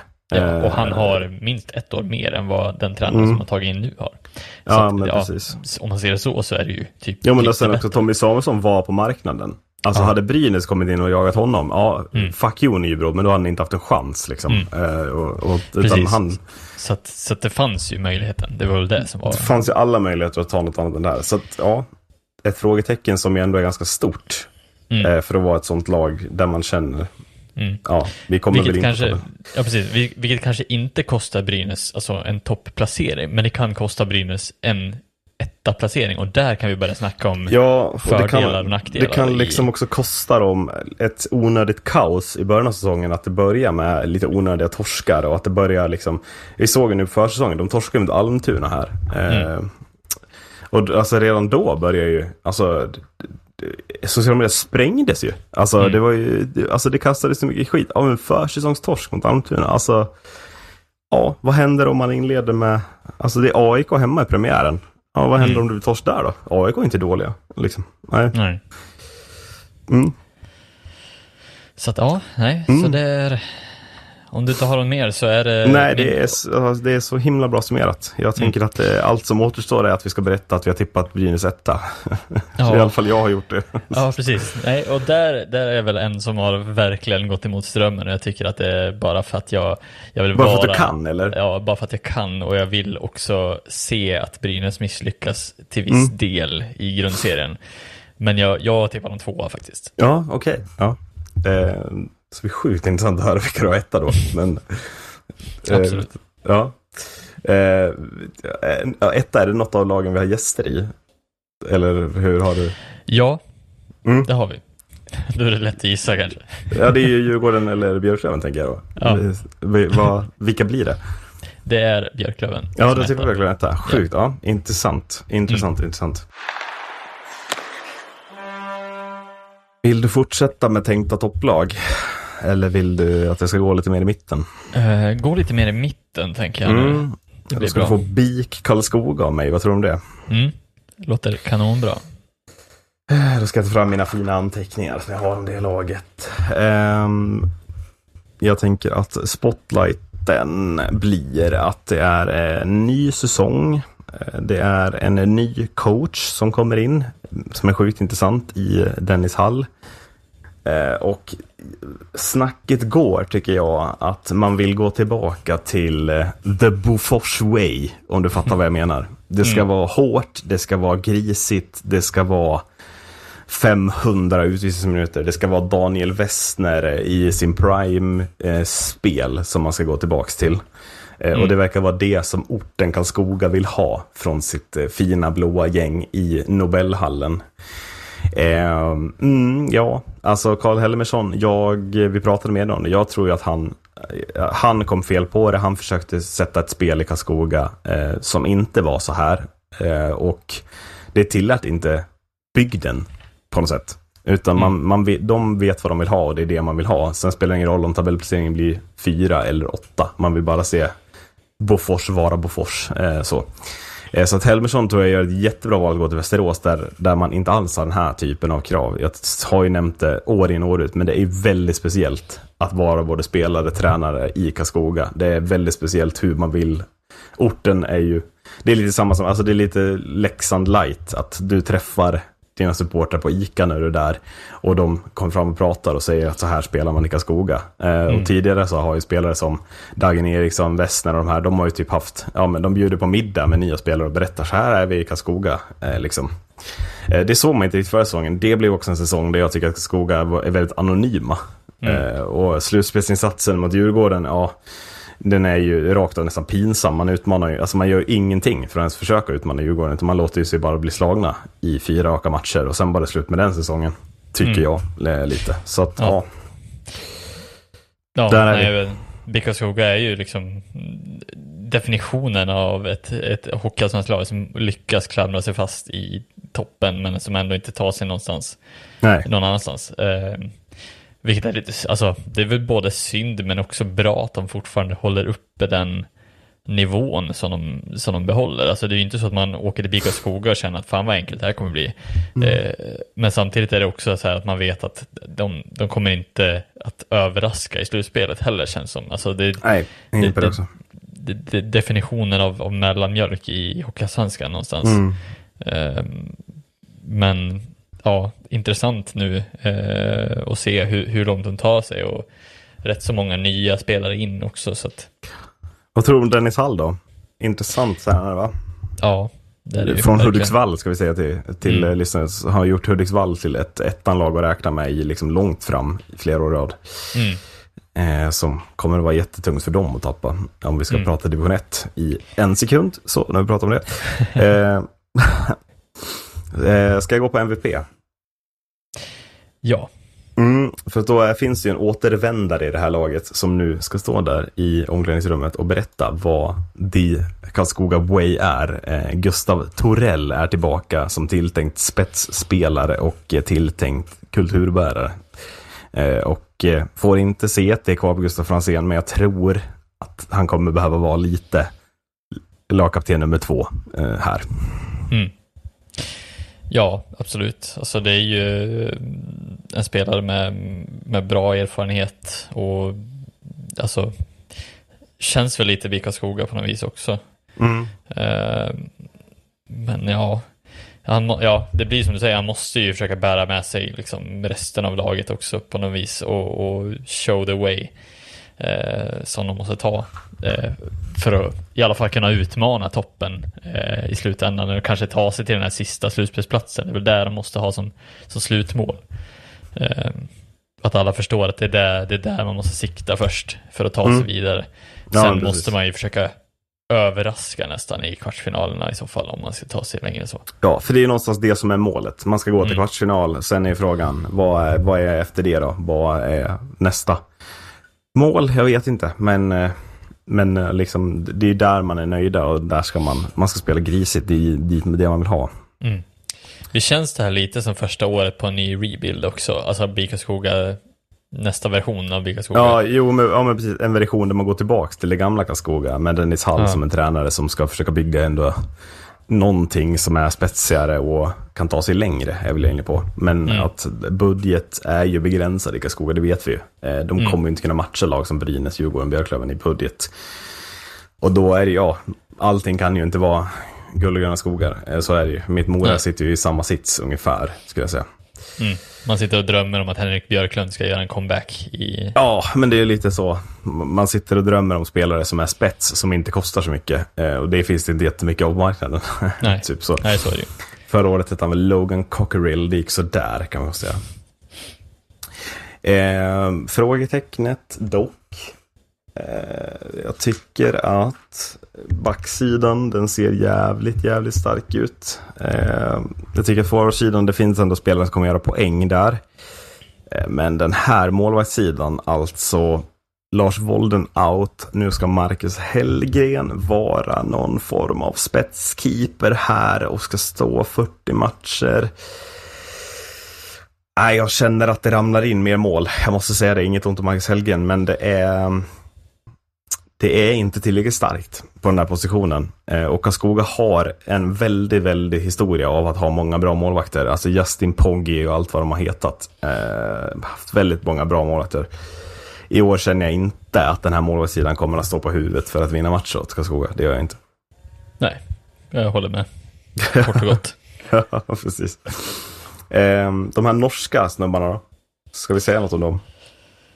Eh, jag vet inte, är de, alltså hur intressanta blir de tänker jag? Eh, Ja, alltså antingen hyperintressanta eller bara två norskar. Mm. Alltså, ja. Eh, Men alltså, det det är snackas ju mycket, som- framförallt den här Simen André Edvardsen som en väldigt bra tvåvägscenter ju. Mm. Syn, säger jag, men det kan ju bli. Alltså det är ju en sån typ av guldkorn man skulle kunna hittat som hjälper dem på något sätt. Liksom. Ja, Eh, men jag skulle nog inte ranka dem. Alltså om de inte överraskar så tycker jag inte att de, de rankas ens i närheten av, av eh, Torell eller, eller liknande. Jag tycker inte Nej, att man ska alltså- ha några högre förväntningar heller på de Ska, ska vi nämna ett nyförvärv utöver Torell som ändå känns intressant så Jesper Norbäck får vi väl ändå medge har ju gjort runt 35 poäng i Almtuna flera säsonger. Här i bättre miljö med mer speltid borde ju ändå kunna bli kanske ytterligare lyft poängmässigt och kommer ju behöva, alltså blir ju jätteviktigt för dem då, kanske. Roligare Ja. att nämna. Ja, jag, tänker med, jag tänkte mer på Filip Svenningsson. Eh, är Mm, tänk, kanske... Det är en spelare du har svårt att släppa att det finns något i. jag, jag När börjar du tvivla? När börjar du tvivla på att det finns något i Filip Svensson? För att Alltså jag, jag nu är det tycker att- tydligt nedsteg i den här karriären. Ja, nej men jag tycker att det är en intressant spelare i och med att det var Han har ju skadeproblemen, absolut. Men i Ja. ett lag där han får mer utrymme Mm. så tycker jag att det kan vara det kan vara någonting att hänga upp ändå på ett, alltså så här, han var ju tilltänkt att vara en topp två, tre i Modo som ändå gick upp i år och det ska man väl ändå inte ta så lätt på. Nej, Eh, nej. Jag tycker att det, det finns någonting Eh, och det var ju bara skadan som höll honom borta egentligen. Annars Mm, hade han varit given eh, i den forwardsuppsättningen som var. Mm. Så att, ja, jag, jag tycker det finns någonting att hämta ur av det. Eh, sen Mm. får man ju välja lite värdering av hur, hur bra man tycker att det är. Ja, nej men spontant, eh, alltså om man ser helheten ändå en, en stark förstärkning på ytterforwardspositionen i och med värvningen av Nordbäck, Svenningsson och Torell. Känns ju som man stärker upp den positionen. Mm. Eh, ja men kraftigt då. Eriksson är kvar och så vidare. Ja. Absolut. Eh, jag ska dock säga att jag håller inte Karlskoga jättehögt i den här tabellen. Eh, jag har tippat dem på nionde plats. Ja, eh, åtta. Mm. Så att vi är väldigt eh, följsamma i den hockeyallsvenska tabellen, ska jag säga. Det är vi. Eh, och med det så går vi väl vidare till nästa lag. Eh, jag tänker att vi tar, vi tar två lag till innan vi tar nästa gäst. Mm. Funkar det? Eh, och jag tänker Absolut. att vi, vi behöver röra oss i botten av tabellen. Mm. Eh, för att eh, gästerna tillhör ett topplag av Mm. förklarliga skäl. Ja. Ja, vad, vad känner, känner du att du Hej. vill gå? Hej och välkommen säger vi då till Almtuna, Ja. tycker jag att vi går. Mm, Eh, absolut. Och ja, vad har vi då att hämta av Almtuna, spotlighten? Ja, eh, alltså jag, jag har skrivit tre stycken spotlight på, på Almtuna. Det Mm. heter Kimby, det heter Kimby och det är Kimby igen. Ja, Eh, för att det känns som att det är den enda spotlighten som faktiskt lyser eh, i Almtuna just nu. Och, Mm. och det enda som man bör fokusera på är väl den största snackisen är att han är kvar i Almtuna överhuvudtaget. Efter den prestation som han gjorde förra säsongen. Ja, vi ska, jag tänker Eh. vi- om vi adderar också, Tony Mårtensson är fortsatt sportchef också. Eh, Mm. Gjorde ju ett jobb med väldigt bra värvningar förra året som slog väl ut. Eh, Mm. Så att det, det, ja. Ja men också det, alltså så här, eh, någon får väl rätta mig om jag har fel, men det är väl typ den största snackisen som typ Almtuna haft på de senaste tio åren. Eh, när det, Det- kommer till någonting som är positivt. Alltså, Det är, det är sällan i ett så anonymt lag som Almtuna som det hämtas ett så intressant namn. För att många, jag, eller liksom, i alla fall vi här, men jag upplever många ser ju Kimby som Alltså han, ska ju, han kommer ju bli en SHL-tränare. Frågan är bara i vilket lag och när lite. Inte Mm. om eller hur, utan när går han till SHL och vilka chanser, liksom, vilka testar honom som en tränare för framtiden i SHL är väl frågan på något sätt. Ja, men precis. Och, och lite så här, fan, eh, det hade varit rätt fräscht av ett lag som typ Malmö. Alltså, hallå? Vill du, ha en Eh. annan, vill du ha en annan spaning? Ja, ge, ge mig en annan spaning. Robert Kimby tar över Leksand i november när Björn Hellkvist sparkas. Mm. Ja, eh, oj, vad vi, ja. Gud vad du gick igång på den, det såg jag direkt. Ja. Du blev röd i ansiktet. också, så här, också när vi har suttit och snackat med en gäst som har sagt att det ska mycket till innan Hellkvist Mm. får sparken. Eh, så ja, intressant take där på. Mm. Men ja, eh, mer än så då, Almtuna i övrigt så har vi Men, ju... men bara kort, om du säger, tänker Kimby, han, att han är kvar, gör Mm. det att du känner att Almtuna är inget lag som du tippar i absoluta botten av den anledningen typ? Alltså förstår du vad jag Ja. menar? Ja. Ja, eh, absolut. Jag är lite spänd på att se vad han kan göra i år. Mm. Eh, med en väldigt tillstramad ekonomi, en väldigt dålig trupp. Även, alltså, så här, jag vet inte vad man mer ska liksom, eh, säga Nej. om det. Nej, men det är ju Eh, klart. Så det är ju där jag, jag går igång, liksom, att så här, fan, det är intressant att se vad, vad man kan göra med så lite innehåll som möjligt. Liksom. Ehm, och jag, jag skrev dit eh, intressant nyförvärv, finns det, eh, tänker jag. Men eh, jag skrev ändå Elliot Ekmark. Jag vet Mm. inte om han är så intressant. jo, men alltså, fick ju, lite, fick ju liksom testa på lite Mm. i fjol. Uh, ung finns, har ju ändå gjort matcher i Linköping också. Mm. Så jag tänker ändå att eh, jag kan tycka att den här Brynäs-duon, Ljungkrantz och Birgersson känns lite små tilltalande också på något sätt. Alltså Ljungkrantz tror jag har lite, det är lite samma som Hugo Styf-fenomenet, att han har varit länge en brunkare i Brynäs, men jag tror att i honom skulle det kunna finnas Alltså lite av en poängspelare, om han får rätt roll och liksom får växa i att vara i en lite mer framskjuten formation än fjärde kedjan liksom. Ja, absolut. Eh, och det blir ju liksom eh, lite frågan också om vem som, vem som drar, alltså för det var ju liksom ingen uttalad så här MVP förra året heller. Det var ju Nej. inte så här, det var ju inga som bara oh shit, det var någon som gjorde 60 poäng heller, utan det Nej, var ganska jämn poängfördelning. Det reagerade ju eh, i sammanfattningen. Men jag, jag landade lite i att så här, fan, ja, Ljungkrantz absolut, men jag tänker ju direkt på eh, Marcus Karlström och Hampus Halestam som Mm. två ganska tydliga MVPs Känns som att det är de två som måste stå längst fram, jag håller med. Mm. Mm. Eh, Så jag skrev faktiskt båda två som MVP och ja, det känns väl lite som att det handlar väl inte om att de ska dra poänglasset till oändligheten utan mera dra det här lagsammanhållning, lagkänslan hela Nej vägen. men liksom. jag- alltså, om vi tänker så, jag tänker så här också. Om vi då säger eh, Harlestam, han är född 93, han är alltså 30 år. Eh, Karlström är född 95, som jag, född, eh, alltså 28 år. Sen har de också Viktor Aronsson som är född 1992. I övrigt, här kommer födelseår i Almtuna. 99 02, 98 99, 00 03, 99 02, 00 02, 98 03, 98 99 02, 03, 98 99.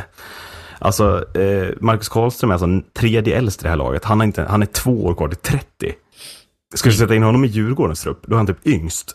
alltså, det är verkligen, alltså, det, det är ju det är liksom de två rutinerade spelarna, massvis av allsvensk rutin, och ett gäng ungdomar som ska spela i Almtuna typ. Ja, Nej, men det är ju otroligt fräscht på något vis. Alltså, så här, ja, ja, blir ju- ja, gud ja. jag- Och det jag känns det är som gjort för. Kimby att så här, utveckla varenda jävel bara. Ja, det är jätteroligt att Almtuna alltså, går den här vägen nu för att jag Mm. tror att, eh, alltså så här, bara försöka hamra sig kvar med massa eh, urdankade liksom 32-35-åringar. Det hade inte varit Almtuna. Den, Nej, men alltså så här, liksom. Hatchberg och Benker-grejen funkar ju inte eh, förra året alls, som den gjorde för några år sedan när de var uppe och smällde högre. Så här, nej, det, det känns som att det är den här vägen de måste gå, helt klart.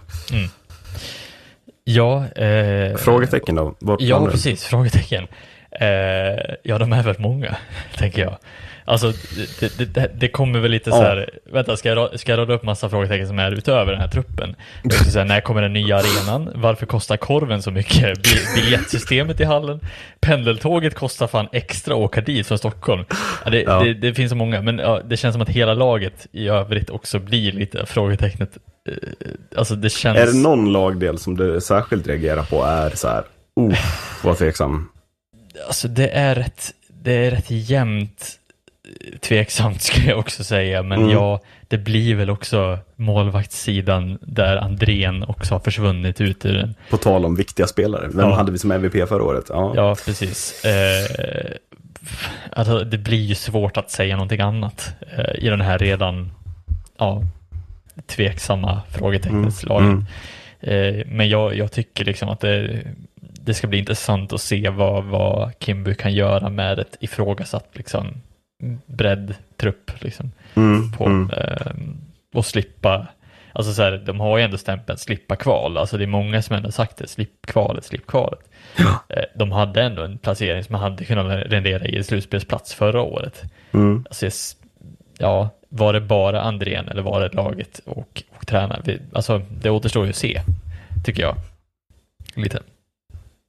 Eh, ja, nej jag håller med. Ehm, jag känner också att mål, alltså, Jörgen Hanneborg, mm, ja, det, var ing, det slog inte gnistor när han kom in och stod matcher i Kristianstad i fjol. Eh, på något sätt. Jag tycker också man pratar lite för lite om en del tapp i den här truppen. Alltså Jesper Nordbäck out, Oskar Asplund out, Georg Golovkovs out. Ja, det är rätt mycket poäng eh, som försvinner med de här Mm. spelarna. Det är... Kimby kan göra mycket, men han kan inte trolla med knäna eller göra liksom, alltså det... Det är, jag upplever lite att man tippar Almtuna för högt också. Jag hör många som tippar om de ska vara med och slåss. Om man eventuellt tar sig upp liksom topp 9, topp 8. Nej, jag ser inte det. Jag ser inte Almtuna ta sig så högt. Det gör jag inte. Med de tappen och ersättarna, ja, de har ju inga pengar att värva för heller. Alltså det kommer inte komma in två kanadicker mitt i den här säsongen och rädda det här. Det gör det ju inte. Nej.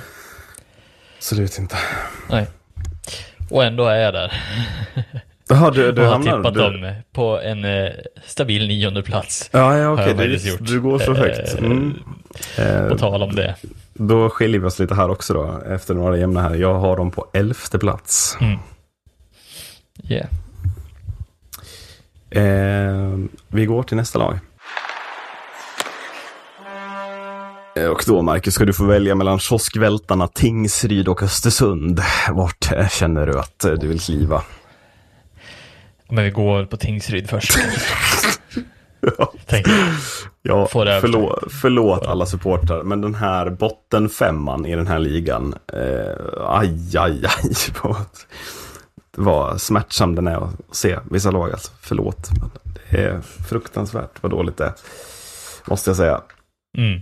Eh, Tingsryd. Eh, Spotlight. Eh, jag känner lite att eh, sett till hur ändå vilka förstärkningar som vissa lag har gjort i botten. Där till och med Almtuna kan lämna- alltså så, räknas in med typ Nybro, Östersund, Västervik. Alltså jag känner mig lite förvånad över hur otroligt budgetlöst eh, det känns med Tingsryd. Eh, att, eh, ja, men att det är chansartat på flera positioner, att man verkar inte riktigt ha några pengar att förstärka med. Eh, trots att jag ändå upplever att Tingsryd är lite av en förening som ändå har lite kultur och lite liksom så. Här hit skulle några bättre spelare vilja gå på något sätt, jag vet inte. Mm. Ja, nej, alltså jag håller med. Det känns ju lite eh, märkligt att man inte kan lyfta bättre eh, med tanke på vart man har legat i eh, som lag tidigare år. Liksom, med, Mm. När man hade de här Bengtsson och, och hela den biten, när, när man ändå var ett lag och utmanade slutspel och man utmanade liksom, eh, ganska stora lag. Men eh, ja, jag vet inte riktigt vad man ska liksom det är ändå en del spelare som jag tänker är alltså, alltså får en väldigt stor, tung eh, vad säger man, in här i, alltså så tyngd i Mm. laget. Eh, men alltså, ja, det får du återkomma till vad, vad du har valt för, för MVPs och så vidare innan jag Kanske kastar iväg namn. men- lättaste val ska sägas, men eh, alltså, vill, vill du börja med ett intressant nyförvärv eller är det där vi ska landa? Eh, Alltså jag tycker ju att det, det är svårt att inte, att undvika det enda kanadensiska nyförvärvet. Han ska vi undvika med all tydlighet, eh, känner jag. Att eh, hur bra kan en kanadick som heter Trent Bork vara i Tingsryd?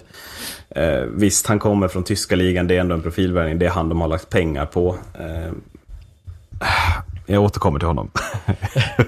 Eh, I en annan kategori. Ja, Jag, vill istället, jag vill istället nämna, eh, som intressant inför att, att Gustav Olhaver är tillbaka. Eh, Mm. Har ju ändå legat kring 25 poäng i Allsvenskan i Tingsryd för tre säsonger sedan, Kristianstad för två säsonger sedan.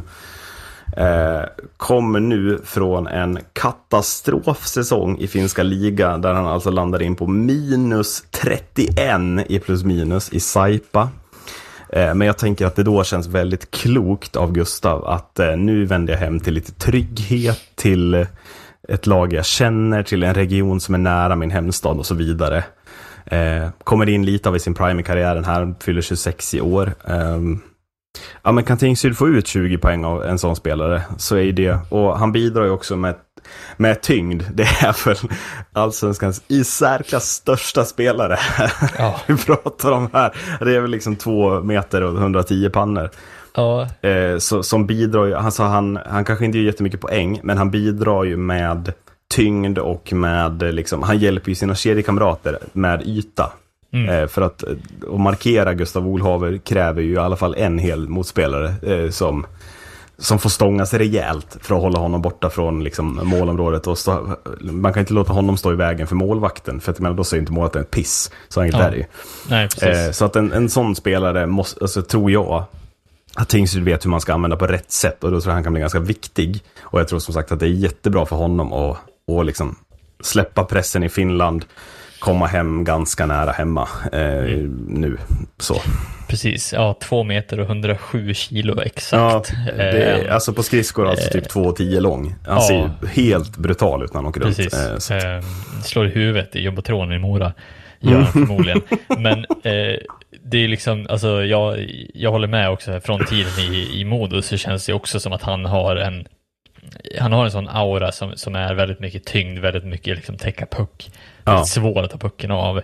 Eh, vilket jag hoppas att Tingsryd kan använda på det sättet som, som, som de vet att han kan spela på. Liksom. Så att, mm, precis. Eh, och nu med lite mera rutin, lite mera liksom, eh, ja, ännu mer tyngd om man kan säga så i, i tyngdkategorin. Att han har en erfarenhet bakom sin tyngd också nu. Ja, och jag menar det, det finns ju en del backar runt om i Allsvenskan som också, de är mest tunga, eh, ska mest stå i vägen. Han utmanar ju sådana backar och tvingar ju bort dem från sina comfort zones. Alltså så låser fast dem i hörnen och sådär på ett sätt som är, eh, ja men som de, de blir stressade av tänker jag. Att de kan vinna Mm. pucken lite högt och så vidare. Mm. Eh, till MVPn då, eh, som blev en ogenomtänkt eh, ofrivillig cliffhanger. Eh, men när man värvar en spetsback från tyska ligan från Kanada så har jag svårt att landa i att det inte är Trent Bork eh, som är MVP i det här laget eh, faktiskt, måste jag säga. Mm. Eh, var det lite så du tänkte när du tänkte intressant nyförvärv? Vill du, hade du haft en annan MVP? Eller hur? Jag känner att den här spelaren måste ju eh, ja, steppa upp, alltså måste ju vara back nummer ett i alla matcher, ticka mest i. Alltså han kommer väl få förtroendet tänker jag. Mm. Jag tänker direkt att det här är eh, Djurgårdens värvning i, Mm, efter mm. december. Ja, Alltså, men sånt där. Ja. Jag, jag tänker att det här är vad Djurgården hoppas är deras väg genom slutspelet sen när Mm. de ska värva en back som ska vara deras spets på deras sida. Ja, men alltså jag, tänker tänker att det här liksom- alltså potential till att vara ja, men kanske Hockeyallsvenskans mest spännande back. De har ju Eh. alltså man minns ju också sådana som så här Drew Paris, sådana där värvningar Mm. som slog igenom. Här kommer ju en spelare som har europeisk rutin, alltså värvar från tyska Ja. ligan. Det är inte att det är ECHL som kommer in och kan bli vad som helst, utan man har, här måste ju ändå vara väl scoutat känner jag. Mm. Eh, och, och jag menar, det, det- kommer ju vara, alltså så här, han kommer ju att käka istid i det här laget Mm, förmodligen. tror jag och också. Jag tror att han kommer att stå för de flesta poängen som, som Tingsryd gör framåt. Och det måste han göra. Mm, nästan. ja, Alltså, och han har gjort liksom- väldigt lite poäng i del. Det är ju det som oroar tycker jag. Att, mm, ska han bara kliva in och göra massa poäng från ingenstans? Mm. Det är svårt att tro lite. Att det känns som en backsida som också är ganska ospetsig. Ehm, ja, det, det kommer ju vara problem för Tingsryd, så enkelt är det ju. Ja. Eh, ska vi nämna spelare som måste kliva fram? Alltså så Harry Olsson, den duon, supergiven såklart. Simon Åkerström är en jättebra back på allsvensk nivå. Kommer också ticka powerplay-tid tror jag. Eh, målvakterna måste vara bättre. Thomas Rydén klev ju fram fantastiskt i kvalet mot Västervik. Alltså kan han hålla kvar den nivån han höll där, så kan han också bli, han kan ju nästan gå över till att bli MVP för Tingsryd då. Att han börjar rädda kvar dem i matcher där de egentligen ska ha kvar det. För det gjorde de ju inte i fjol, varken han eller Rosengren. Det läckte ju mål bakom dem. På, och det var ju inga, alltså det var ju billiga mål som ramlade in också. Ja. Ehm, men eh, varken målsidan eller liksom bredden eller så blir frågetecknet. För att om vi pratar om att eh, Almtuna har en bra tränare, Nybro har en bra tränare. Jag kommer in på Östersund senare som också gjort en bra tränarvärvning. Men, ja, eh, Arto, eller vad fan heter han? Mietinen? Ja, Arto Miettinen. Arto Mietinen från Tranås är det va? Mm. Varför låter man bara inte Larry Pilot bli headcoach här, känner jag. Kallinge kommer han ifrån. Ja. Inte alls. Nej, var fan kommer han ifrån? Här. Från Tranås, ja precis. Mm. Vad ska han komma från Tranås och utföra i Tingsryd när man har Larry Pilot på bänken som fortfarande är kvar som ass? Var det inte jätteläge för Pilot att ta över här. Eh, och verkligen liksom bli headcoach. Och han älskar Tingsryd och han har varit i Tingsryd. Han blev upphängd i taket förra året, allt vad det var. Ah, Ja, jag ser inte Miettinen komma in och göra några stordåd. Det gör jag verkligen inte. Eh, utan jag ser också han som en kandidat tidig tränarsparkning. Eh, tillsammans med några andra, måste jag Mm. säga.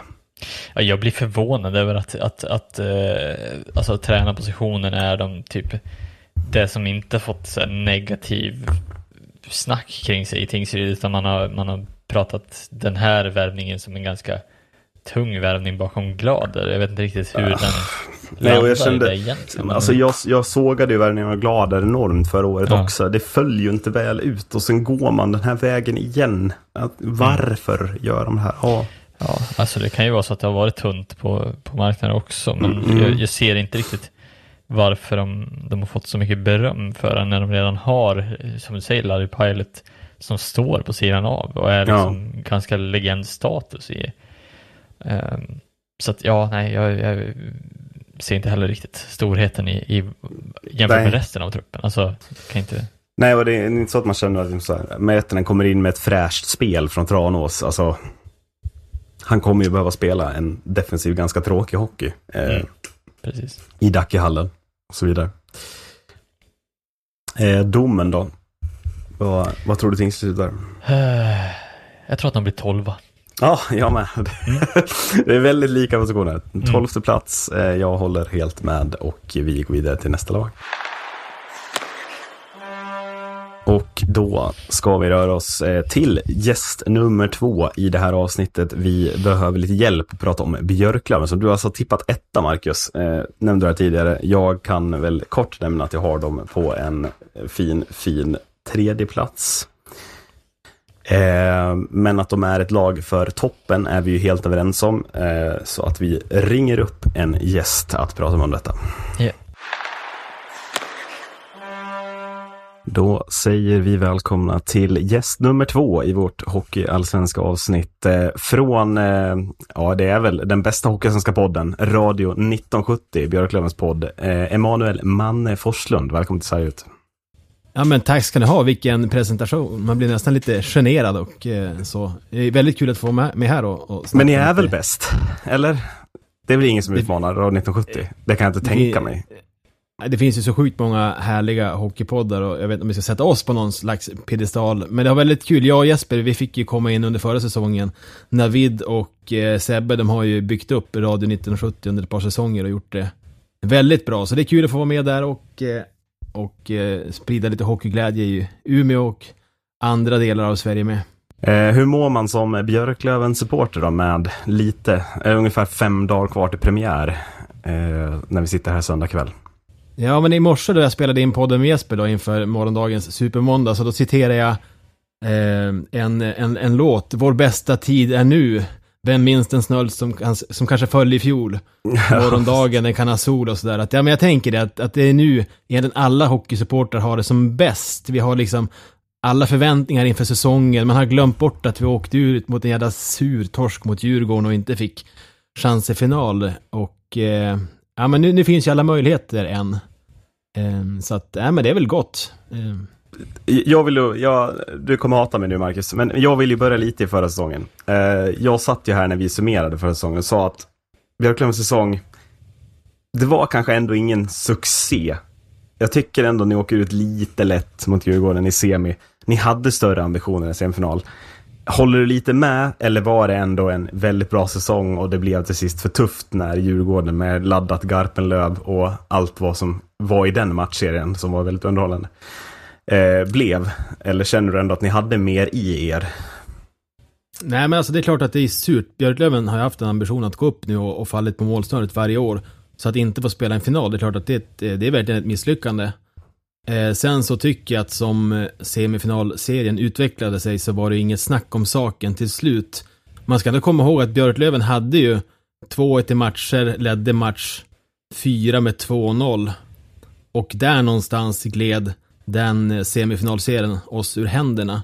När sen då matchserien vänder upp till Umeå och de vinner eh, och kan sen avgöra på Hovet så är det ju, ja det är ridå ner. Och eh, Fredrik Andersson, han sa väl det i Adam Johanssons podd att, att de tappade sin swag där någonstans. Och jag, Jag, jag, jag, förstår honom verkligen. Att, att det här eh, trygga Björklöven, de vart lite ängsliga och, och la kanske fokus på fel saker och eh, då är marginalerna inte större än att då åker man ur. Ja, men för det kändes som att ni, ni fick ju Djurgården dit ni ville dem från början. Weigel slashar sönder Vejdemo, varenda djurgårdare tycker att Björklöven är världens värsta lag plötsligt. Men det känns som att Djurgården till sist vände det till att ni bara tog dumma utvisningar och gav dem P... Alltså typ så. Är det lite så du menar eller? Ja, men jag tänker att, att eh, det här visade, tycker jag, Djurgården sin rutin och att de här etablerade spelarna, de kunde ta det på ett bättre sätt än vad Björklöven gjorde. Eh, Björklöven kanske tappade lite fokus på, ja men ni kommer ihåg, det vart den här, ja men Weigel-grejen och Chihuahua och, ja men det var lite livat och, ja men som jag sa, fokus på fel saker och då, nej men då, då räckte inte Löven till. Eh, så att och med det sagt, så när vi, när vi sammanfattade så var det ändå så här att ja, men det kändes ändå bättre i- att åka ur i år, om det kan göra det, jämfört i finalen mot eh, HV året innan då vi var helt skadeskjutna och, och ändå mirakulöst höll på att få till ett, en Game 7. Så, så det kändes ändå som att Djurgården var bättre, vi åkte ur, eh, fair square, sån är hockey, eh, sånt, sånt är hockeylivet. Ibland förlorar man. Eller oftast. Eh, om, vi då, ja, men om vi går till em, årets säsong då, eller säsongen som väntar. Em, ni åkte ut mot Djurgården, de visade ru- rutin. Ni kliver då in i den här säsongen med ja, men typ samma lag eh, som åker ur. Det är Nikolaj Mayer och någon mer som har förstärkt kan man väl säga. Men annars är det ju i princip samma lag. Eh, hur tänker man kring det? Alltså, eh, känner du att oh, lite farligt eller jättebra, få kontinuitet? Eller vad är känslan så här i nuläget? Känslan är faktiskt bra. Alltså jämför Mm. med Modo som gick upp i fjol. De hade ju i princip samma läge inför fjolårssäsongen. Det var inte många som snackade upp Modo inför den säsongen. De hade väl bytt ut typ två spelare och eh, åkt ur i, i semifinal året innan. Så jag tänker att kontinuitet är viktigt. Eh, det vi kanske, det vi har bytt ut det är ju Fitzgerald, eh, Alex Hatching eh, och Kristoffer Bengtsson i, på forwardsidan. Och där har vi tagit in Miles Powell, Nikolaj Mayer eh, och så Dove Nilsson då från Frölunda. Och så kom Malte Sjögren in, kanske inte en kille för de högre linjerna. Så jag tänker att, att det har ändå, sätter man de här gubbarna mot varandra så ser det ändå, det ser spetsigare ut bakom första linen med Poli Weigel. Mm, mm. Men jag fattar vad ni menar, alltså det har ju inte gjorts jättestora förändringar.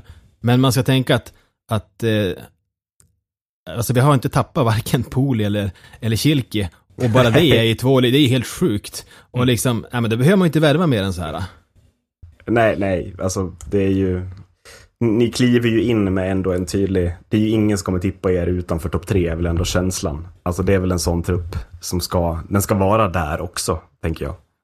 Ja, ja, det är ju där vi har varit de senaste åren och, och nu får vi kontinuitet i det hela. Så att eh, det är ju högst rimligt att tänka att Björklöven ska vara där. Ehm, om man ser på fjolårssäsongen så tog det ändå ganska lång tid in på hösten innan, innan det här nya laget hade liksom hittat rollerna och fattat spelsystemet och, och ja, men alla de där bitarna. I år så tänker man att den startsträckan bör ju vara typ ingenting. Ja, men alla känner ju varandra redan. Och ja, det är Miles Powell som kommer. Han kommer nu imorgon tror jag, på måndag. Ehm, och sen, ja men, sen de andra har fått spela ihop sig så att man förväntar sig ganska mycket av Löven egentligen under början av säsongen. Mm. Och det blir ju lite, alltså, det är ju lite liknande som du säger också med hur Modo gjorde med kontinuitet. Man, man har byggt mycket alltså, över tid och så vidare. Det känns ju, eh, jag tycker också de här värvningarna som ni gör är ju verkligen liknande som Modo gjorde med, alltså så man kryddar lite uppe på den, den grunden som, som ni redan har satt och som ni försöker sätta nu. Ehm, Jag tänkte också eh, tänkte ta tillfället i akt och, och faktiskt prata om min eh, gamla J20, J18-tränare, eh, Viktor Stråle. Så att jag tänkte att, alltså hur, hur, med hans intåg i Björklöven och hela den här biten, känner ni att ni har liksom full tilltro till att han har en till nivå i sig? För det känns lite som det här med att tappa humör, tappa huvudet lite i slutspelet. Och fokus på fel saker eh, Precis. ska väl nämnas där också. Eh. Eh, I den. Mm. Har han en nivå och kontinuitet till att liksom plocka fram i det här Björklöven som ska ta sig hela vägen? Han måste ju ha det, han har ett väldigt långt kontrakt och Kent är ju inte känd för att sparka tränare. Eh, och det visar ju verkligen på att, att Kente tror på Viktor Stråle och, och att han ska få, han ska vara den tränaren som Björklöven ska bygga på i Hockeyallsvenskan och även förhoppningsvis upp i SHL. Men, men det svarar ju inte på den fråga, eh, utan eh, man ska komma ihåg att Stråle, han är väl född 90, eh, eller något sånt. Han är väldigt ung. Och det är på gott och ont. Han har inte den rutinen. Jag tycker, ja, men det, det, det, det lyser ju igenom i fjol. Han, men han tappade på vissa ställen och, och kanske inte betedde sig sådär lugnt och rutinerat, som till exempel Garpenlöv kunde göra. Och det, ja, men det, det är nej. klart. Ja, Till och från. ja, ja, till och från. Nej, men om, om man tänker så här, men Björklund har haft Jocke Fagervall i många år och är väl den mest kontinuerliga tränaren i, i vår förening. Och det är ju inte liksom det lugnet. Men överlag så kan man... Jag har ju förstått att folk utifrån tycker ju att Stråle verkar helt skogstokig och liksom, ja men lite så här som vi har kanske sett på Mikael Gat i Kristianstad, så här gapig och arg och, och så. Men i Umeå så är Viktor Stråle otroligt omtyckt och tar sig tid för folk och liksom med barnen och eh, det var ett väldigt stort steg från Wallson som, som, som var innan, som hade väldigt stor integritet och knappt morsade på, på folket kändes det som. Så att eh, Viktor är väldigt omtyckt i stan och eh, Eh, jag, fick förmånen att faktiskt hänga med honom en dag och göra ett reportage i fjol och, och liksom se hur han jobbar med laget nära och vart, eh, jag har varit imponerad eh, kring det typ av ledarskapet som man har. Eh, som känns modernt, alltså om man ska slänga sig med att, att det inte bara liksom pekar med hela handen utan mycket på individ, individnivå med de olika spelarna och oh, sån här avancerad statistik som, som de flesta jobbar med men, men eh, han gjorde ett gott intryck. Så det ska bli spännande att se. Han måste ju också leverera. Alltså han är, han är ju så pass ung, ska han liksom ha sig ett tränarkarriär så då måste man ju lyckas.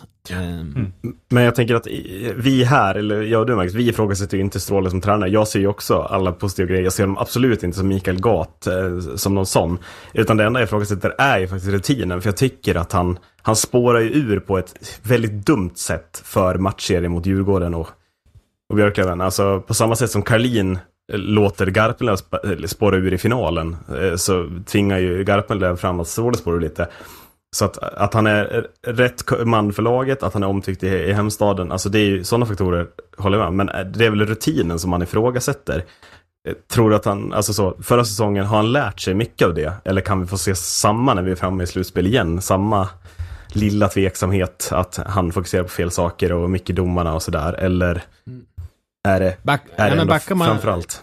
Ja, men jag fattar, backar man då ett år innan liksom finalspelet mot HV och det slutspelet så såg man ju inte de tendenserna där. Nej, så jag tänker att, att, att det blev som det blev i fjol, det måste ju ha berott på någonting som triggade honom oerhört och där kan man ju bara hoppas att han själv gör en liksom utvärdering av sitt eget ledarskap och, och ja, men själv stå för en utveckling, utveckling och eh, nej, jag vet inte, jag kan, jag kan ju omöjligt svara på frågan om, om han liksom ja, nej, men för att jag tänker så här, om han gör det, utvecklas som person, utvärderar sig själv och verkligen hamnar i att han har rutinen, då är, ju, då är det ju ingenting som stoppar höjden i Stråle. Då, är ju han, då skulle ju han kunna vara nästa topptränare i Frölunda. Roger Rönnbergs kontrakt går ut om två år. Alltså, det är ju den nivån han eventuellt har i sig då, är ju nästan känslan. Att det är liksom, det, det är bara den här lilla tveksamheten och det kan vara också väldigt positivt, Björklöven, att det finns en otrolig utveckling att få. Jag menar, tänk om han får jobba med, jag tänker sån som Lian Dove Nilsson, som redan i fjol kom in i ett eh, Västerås med ny tränare, någon finne eh, som knappt kunde svenska liksom. Eh, men eh, så,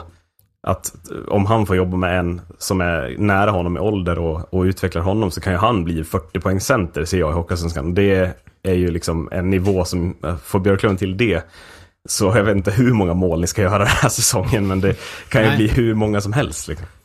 Nej men det är intressant det du säger, för jag tycker att det är lite skilda saker egentligen. Alltså Stråle på liksom daglig basisnivå, att jobba med gruppen och utveckla spelare och spelidé. Där känner jag ingen oro. Eh, jag tycker han verkar ha liksom stort förtroende, ha stor kompetens och är otroligt driven i, i, liksom i sitt hockeynörderi, så att säga.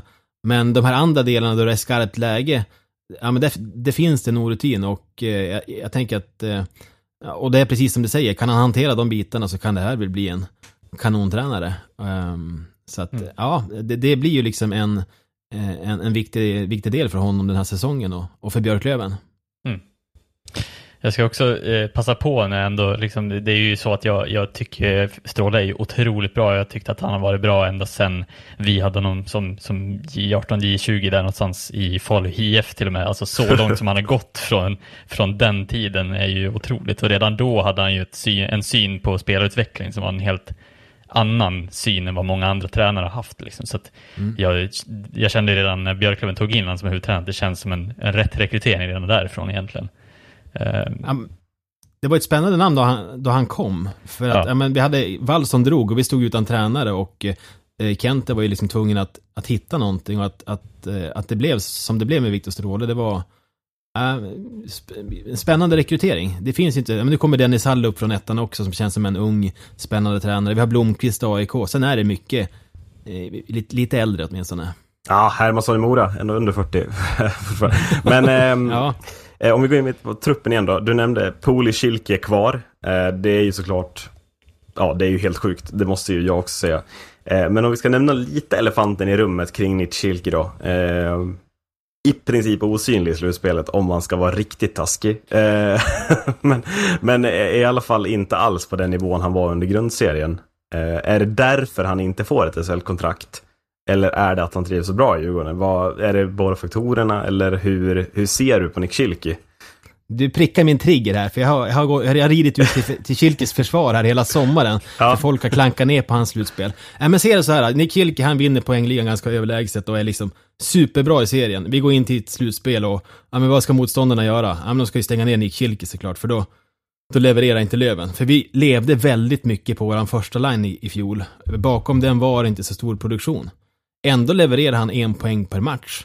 Och jag vet inte så här, ja, men han syntes inte så mycket i matcherna på samma sätt som han gjorde förut. Men jag ser det som en ganska naturlig del av hur motståndarna valde att spela. Och att ändå leverera en poäng per match, det tycker jag är ganska bra papper.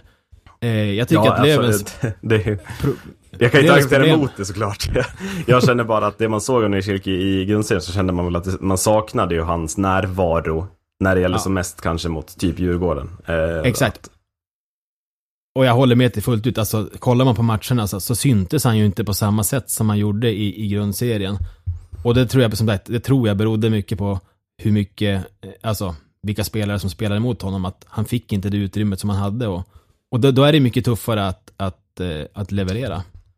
Ehm, och där, där ser jag väl, om man kollar på årets trupp, så har vi ju en tydligare secondary scoring nu med, med både Miles Powell och Nikolaj Mayer och, och kanske en, en tredje länk in i den. Fortier är ju kvar också. Till exempel. Men eh, många lövare tror att han kommer inte att spela i de, i de första två linjerna, utan han ska gå i, i tredje eller fjärde. Med tanke på hans starka kontringsspel. Han är Ja. inte den spelare som mår bäst av att spendera mest tid i anfallszon. Så att, ja, men det kanske blir Liam. Han har ju gått, Mm. han har ju gått med eh, i, i topplinjerna här under försäsongen. Så det kanske blir Do- Dove Nilsson. Jag tänker att det, bara, det är också, men det, det är en otroligt styrkebesked annars att så här, ja, nu kommer vår tredje line in, här har ni Maxim Fortier som liksom, det är inte, det är inte alla lag som skickar in den typen av kvalitet när man skickar in sin tredje line. Inte ens Brynäs och Djurgården, ser jag i alla fall, eh, har den kvaliteten. Utan ni har väl den bredaste och speciaste forwardsidan i alla fall. Eh, Schilke lär väl vara en contender på poängligasegern även i år. Eh, något annat vore ju konstigt att tro, tänker jag. Ja, men det blir spännande att se hur, hur de här grabbarna hanterar ett andra år i ligan. Nu vet ju alla, alltså nu vet ju motståndarna också vilka de är. I fjol var de nya killar lättare att liksom, ja, eh, folk har inte fått upp ögonen. Jag tror att de kommer få det tuffare, så att det kanske inte blir samma siffror, men förhoppningsvis, som jag sa, så är det, har vi en bättre secondary scoring eh, jämfört med i fjol. Eh, ja, eh, något mer Marcus, eller ska vi gå in på MVP och liknande? Eh, ja, nej, alltså det är ju, jag har ju försökt, alltså, jag har ju försökt vara den här försvarande av Björklövens förra säsong, att det inte är en flopp Ja, som, som nej, Erik håller ju- försöker, försöker få det till. med. Eh, Jag tycker ju bara att med, Djurgården men- var steget bättre helt enkelt. Ja. Det är det jag vill säga. Sen kan vi, nu kan vi gå vidare. Eh, du ska få utse, vi börjar med, eh, vem, vem ser du då som MVP i ett stjärnspäckat bygge i, i Björklöven? Ja, alltså det skulle, det skulle ju kunna vara många. Det skulle kunna vara Poli, det skulle kunna vara Kilki. Det finns ju så många, alltså Fredrik Weigel ser otroligt eh, spännande ut den här säsongen. Men jag tänker ändå att det är Daniel Rahimi som är våran MVP. Eh, Freddan, våran kapten, går ju skadad nu. Han har inte varit sig själv riktigt likt på, på hockeyplanen. Ingen tvekar på hans ledarskap runt omkring laget och så, men han leder inte riktigt laget på isen längre. Alltså Rahimi, han gjorde över 20 poäng i fjol. Vilken Ja, ja. jävla king. Eh, så att, eh, och även liksom det ledarskap och den person han är. Eh, så för gruppen så tänker jag att han kommer vara MVP. Och även liksom, han är en, fortfarande en otroligt duktig ishockeyback. Mm. Jag tänker också utifrån Viktor Stråle plus Rahimi. Det känns som exakt den typen av kombo som Viktor Stråle vill ha också. En spelare som han kan säga åt vara lite på gränsen och, och fortfarande hålla sig på banan. Där är väl Rahimi som absolut bäst också i slutspel, eh, tänker jag. Om, eller vad, Mm. vad, vad tycker du kring det? Ja, alltså Rahimi, alltså även om han fortfarande är en tuff back så har han ändå ändrat sin spelstil ganska mycket. Alltså hur han liksom levererar puck och är, är ja, men mycket mer rörlig. Kolla bara på hans kropp, hur han ser ut i kroppen idag jämfört med för, för tio år sedan. Så jag skulle tippa på att han väger säkert 10 kilo mindre. Eh, men absolut, eh, han är ju också liksom tuff och rejäl och stark och har ju framförallt rutin. Både från att vinna eh, och att eh, gå långt i slutspel. Mm. Så att, nej, men jag tror att, eh, jag tror verkligen att Stråle uppskattar att ha, som du säger, Rahimi eh, i den plats i laget och i den plats i hierarkin i gruppen också. Ett, eh, ett frågetecken då, som du ser. Allt kan inte vara guld och gröna skogar kanske. Vad, vad är du orolig för när du tittar på lagbygget? Nej, men målvaktssidan är väl ett frågetecken just nu. Det Har ni pratat något om det här i... Det, det vill jag gärna komma in på också, målvaktssidan. Eh, Jag håller ju Ja. med. Nej, men där har vi ju, alltså det är ju sjukt roligt att en- en kille som Melker Thelin, man får ändå tänka att Björklövens J20 spelar inte i den högsta J20-serien. Och att vi har en målvakt som nu draftas i sommar som väljer att stanna kvar i Umeå, liksom tryggheten, han trivs i föreningen och, och ändå den utbildning som vi kan erbjuda. Och, det, och då blir det på något sätt självklart att, att en sån kille måste erbjudas A-lagskontrakt. Men, men om man ska vara helt ärlig så har ju inte Björklöven tid att utveckla en sån spelare i Hockeyallsvenskan. Vi måste ju vinna serien, vi måste ju gå upp så att vi får upp vårat J20 i den högsta serien och kan behålla de här stora talangerna som annars drar till Övik och Skellefteå.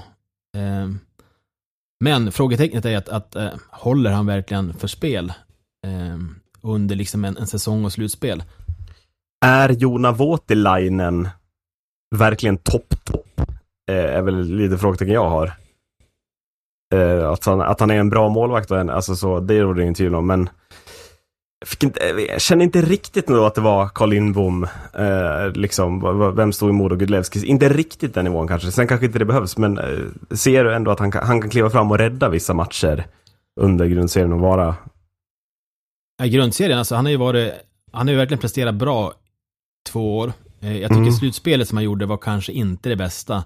Så där såddes ändå någon slags frö om att, ja men, ja, vad är det här?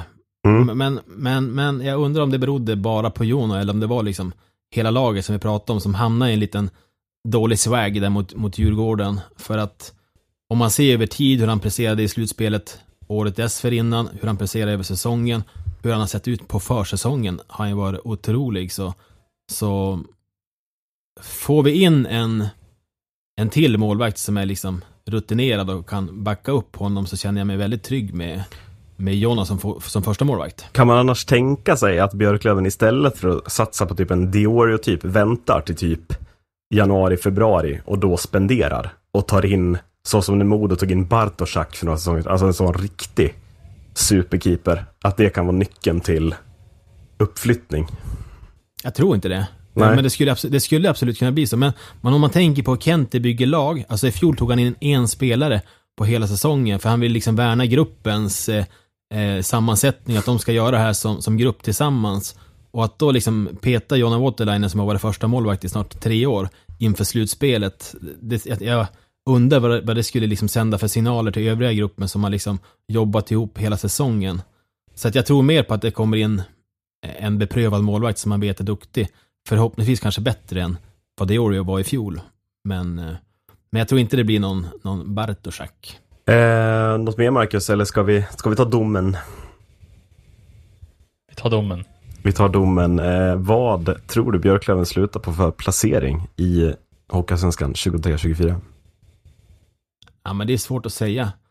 vi vill ju hemskt gärna vinna serien. Vi har ju sett vad det har betytt de, de senaste åren. Eh, det är ju svårt att förbise Brynäs trupp. Eh, och så finns det många spännande lag. Alltså, många snackar Södertälje, att de skulle kunna vara en contender. Men jag säger väl alltså, Måste jag säga exakt eh, placering? Ja, det måste du. Eller, du- ja, det duger inte med så här topp fyra. Nej, nej, nej, nej. Topp fyra, Nej. top fyra tänker alla. Vi, vi har Ja. ex, exakt vill vi ha här. Nej, men då säger vi att vi, vi landar in på en andra plats. Andra plats, eh, Manne Forslund. Stort tack för din medverkan i podcasten Sarg ut. Ha en fantastisk säsong. Stort tack grabbar, vi hörs. Ha det bra. Och då återstår bara eh, fyra lag, va? Ja, det stämmer va?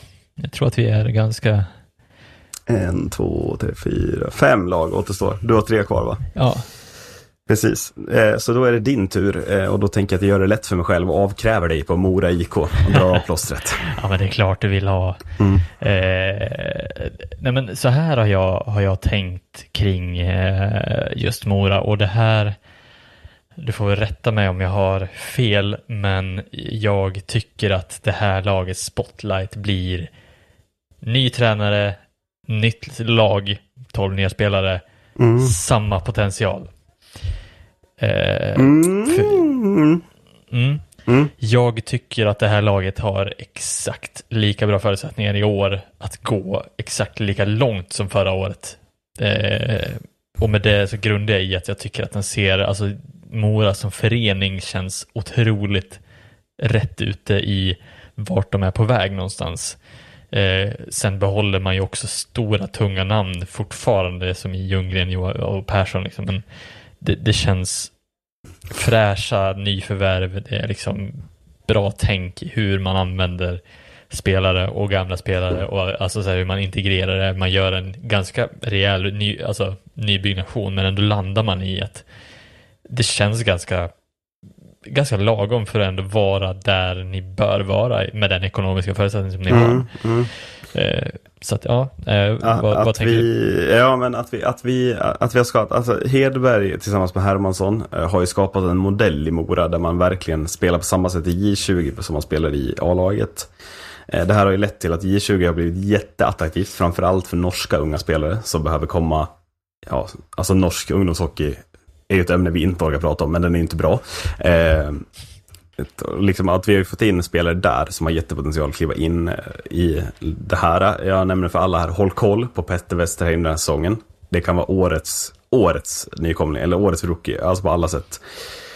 Eh, och, och den modellen kommer ju, alltså man, man tänker ju så när man värvar ny J20-tränare så tänker man att det ska funka på samma sätt och den modellen är jätte, jättebra. Och den har alla förutsättningar att funka i ett långt lopp, att göra Mora till ett stabilt lag som alltid är med i toppen på något sätt. Eh, ja, du ska få komma till ditt frågetecken sen, jag behöver inte nämna det så, men det, det finns en, en parameter i det här bygget eh, som jag är sjukt orolig för. Eh, men jag tänker att spara den eh, tills du, ja, du ska ändå hålla i det. Du får nämna ditt frågetecken sen, så ser vi om du har samma som jag. Eh, men det, jag håller ju med i, i alltså så. Daniel Hermansson, han är helt fräsch på basen, helt ny. Men de, han har ju till att sätta ett spel i Mora som förening som han bara behöver följa nu. Eh, och det blir en mycket lättare väg in som headcoach i, alltså i, i ett liksom, lag på hö- högsta scenen nästan, men ändå toppscenen i svensk ishockey, än vad det blir för typ Artometern att komma in i Tingsryd och behöva sätta allting själv. Så, eh, kan man säga. Precis. Eh, och, och det går ju alltså, så här, det går ju att snacka i, i all oändlighet om, om det här laget, om, om byggnationen, för jag tycker att det känns eh, alltså det- Mora, som, som jag sa förra säsongen också, att det känns som ett lag som, som man var otroligt orolig för på ett konstigt sätt. Eh, även om vi nu lyckades med 4-0 i matcher i, i slutspelet så var jag väl ändå rädd för att Mora någonstans skulle lyckas slå oss ganska rejält på, på Mm. Ja, men fingrarna. det, kändes, det kändes som att vi kom ändå ganska rätt på vår analys. Att så här, när Modo var dåliga i slutet av serien eh, så var vi ganska, ja men ni kommer komma in och vara, ni kommer vara hur bra som helst. Eh, Mora gick en jävligt tuff kamp med eh, Södertälje. Eh, fick lite småskador, Persson Ljunggren var nog inte helt hela. Så att när ni gör det valet så sätter ni er själva, om ni bara sköter er där och då, alltså Modo, så sätter ni ni er i en troligt jättebra position. För vi hade ju också på känn att Djurgården och Björklöven skulle ta koll på varandra. Och det, den analysen stämde ju fullt ut genom hela slutspelet. Att Modo fick en lätt, lätt väg mot Mora. Eh, Djurgården och Björklöven stred i all oändlighet, typ. Eh, och det var ju nyckeln till slut, tycker jag. Djurgården kändes ju sjukt trötta till slut i match sju. Och ni orkade bara pumpa på. Ja. Eh, ja, så att ab- absolut. Mm. Eh, Och- Inte en ny förvärv, här vet jag ju direkt vem du kommer välja. och här kommer du ha valt rätt. Ja, okej. Nej, men Jag eh, har valt Chad Jetman. Jajamän. Eh, Geten kallad. I, alltså det här, håll i er Håkan, ska jag säga bara. Mm. Fy fan vilken jävla gibbe.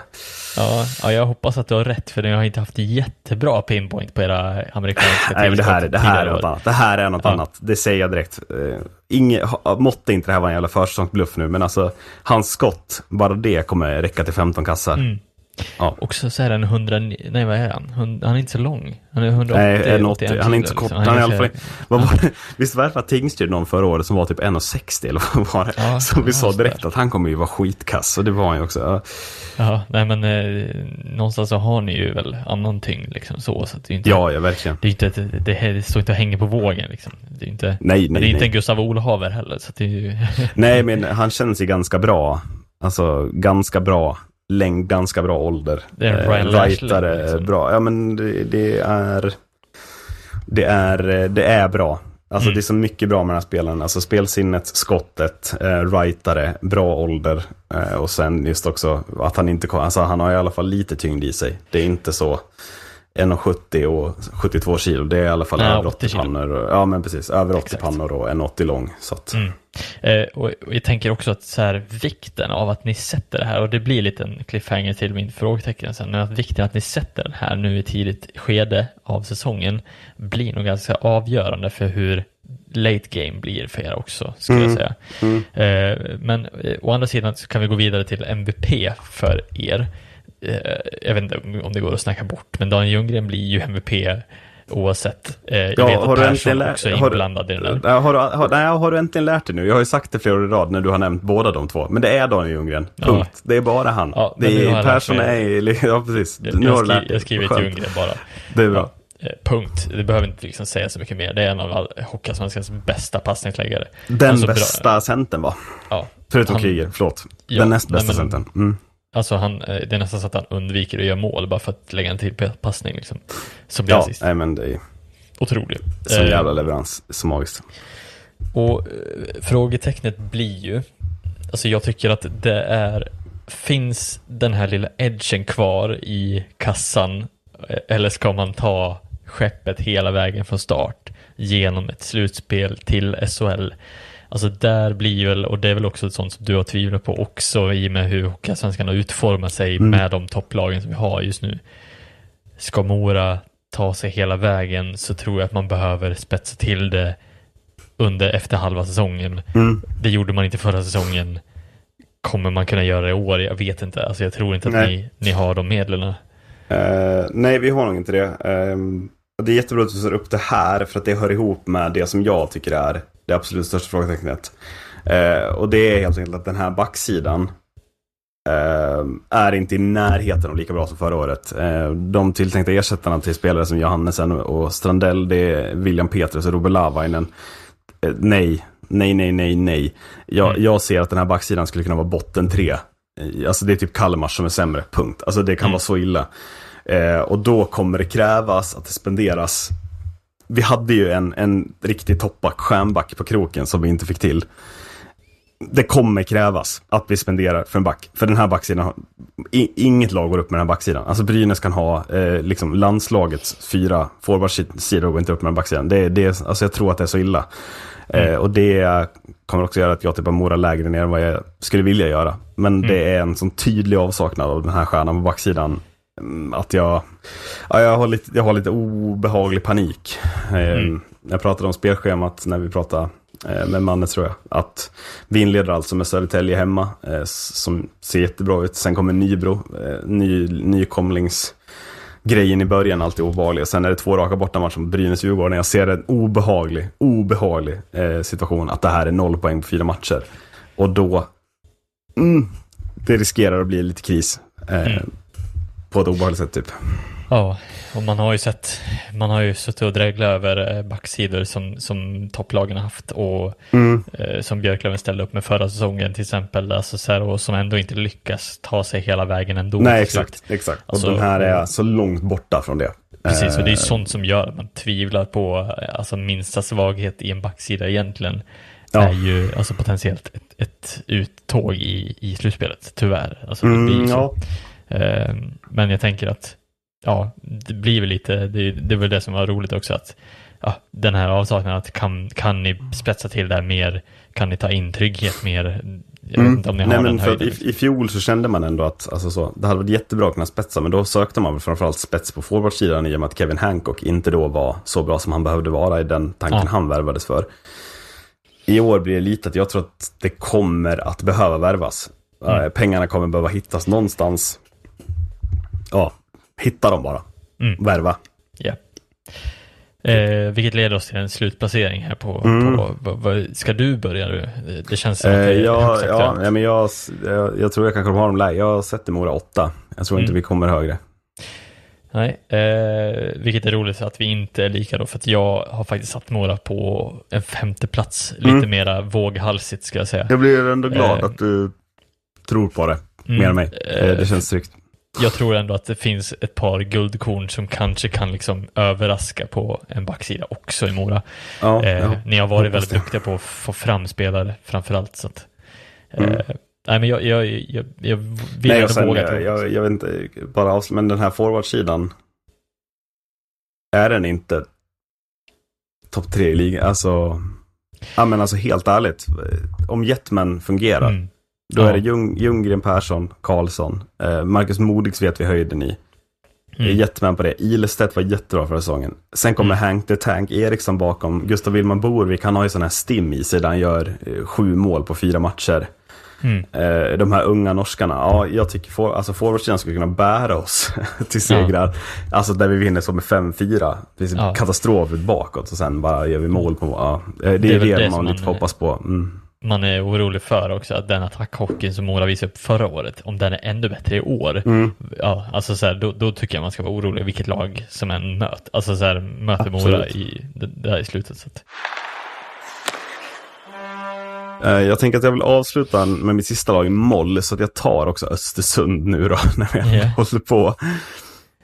Ehm, och jag tycker att spotlighten på Östersund blir lite att man eh, tar ett steg mot att vilja etablera sig på allvar.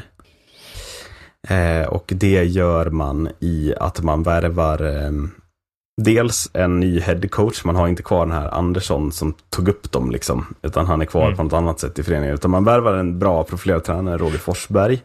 Man vill få nästa steg där. Eh, man plockar in lite spetsigare namn över hela, hela truppen. Eh, och liksom går på riktigt för att verkligen, verkligen etablera sig. Eh, in, inte bara som ett lag som håller sig undan kval, utan att man vill börja jobba sig upp mot play-in-platserna med Mm. det här bygget på något sätt. absolut. Eh, jag håller med. Det känns ju som att det, det, det är någonting det är någonting i år två, Östersund, som, som känns eh, också med lite ekonomisk vinning av att det var två andra norrländska lag med eh, i bilden förra säsongen som, som också drog en del intäkter skulle jag gissa på. Mm. Eh, som kanske gör att det här har, har stadgat sig ganska bra i Östersund. Eh, vilket jag tycker är kul också att, att eh, för det är Östersund som ändå har känns som väldigt mycket folk som, som, som kommer att kolla på matcherna och som, Ja, men som det driver finns, på laget. Liksom. det är det man känner är lite roligt med de här nya uppkominglagen. Men alltså Östersund, Nybro och Kalmar, det är liksom nya fräscha arenor. Alltså man kommer in med helt andra organisatoriska förutsättningar. Än, ja men, ja, Tingsryd får liksom ursäkta lite. Men det är, ja, och de lagen som åkte ur, alltså Himmelstalundshallen och Kristianstad ishall, man kommer inte sakna de arenorna. Känner jag. Nej, Eh, på så sätt, utan Nej, precis. Eh, det känns som att det är liksom, eh, visst man ska inte, man ska inte eh, liksom vranka lagen på, på arenor och supportrar, men ja, det är ju någonting extra när man vet att det är eh, lite vilja bakom supportersledet och, och hela den biten också. Och arenor som faktiskt inte liksom håller på att ramla isär. Eh, Nej, men jag tänker också, jag tycker lite för, alltså så, Östersund exempelvis. Alltså så här, Mikael Gat i Kristianstad, vad var han? Huvudcoach, assisterande coach, sportchef och eh, klubbchef typ. Eh, Mm. Alltså så. Östersund är- har en, ja, men de har en huvudtränare, de har en sportchef, de har han den här Andersson som var förra året, han har blivit en slags president, eh, kallar de väl. Liksom, ja, att man har ändå en organisation runt som också har lite folk. Att det inte bara är så, en person är allt, punkt. Eh, Ja, precis. Typ så, ja. Eh, intressant nyförvärv, nu ska du få ta över. Josef Ingman äntrar scenen i Östersund. Ja, eh, kanske väldigt, vad ska, vad ska man säga, det, det var ju ett eh, sorgligt farväl av en spelare som, som märkbart ville spela i Modo, Mm. eh, som inte i slutändan fick platsen eh, i Modo. Vilket är ja, både, jag kan tycka att det både kanske är rätt, men också lite sorgligt med tanke på den hängivenhet och den vilja han, han visat upp under slutspelet och, och vara en bättre spelare i slutspelet också. Sen kan jag förstå att han är kanske inte en SHL-berättigad back på det sättet. Men han är, han är ju ett otroligt tillskott till ett lag som Östersund, tycker jag. Mm, I och absolut. med att de tappar också Anderberg till exempel. Som, Mm. som, som Ska väl ersätta honom rakt av, Ja. tanken, tänker jag. Eh, mm. Jag tror att det kommer att göra Ingman väldigt gott att vara eh, huvudfigur i Östersund än att Mm. ha varit en, en sjunde back i Modo i SHL. Ja. Eh, eller, ja, nu, nu tycker jag att det hade varit nästan så här, ja, 50-50 på Berg och Ingman, ja. vem som hade stannat kvar. Eh, så att, ja, nästan så att jag hade lutat mer åt Ingman för att han har bakgrunden i Modo, Mm. eh, tycker jag, eller viljan. Men oavsett vad det är han ju liksom, alltså på allsvensk nivå är ju han en Mm.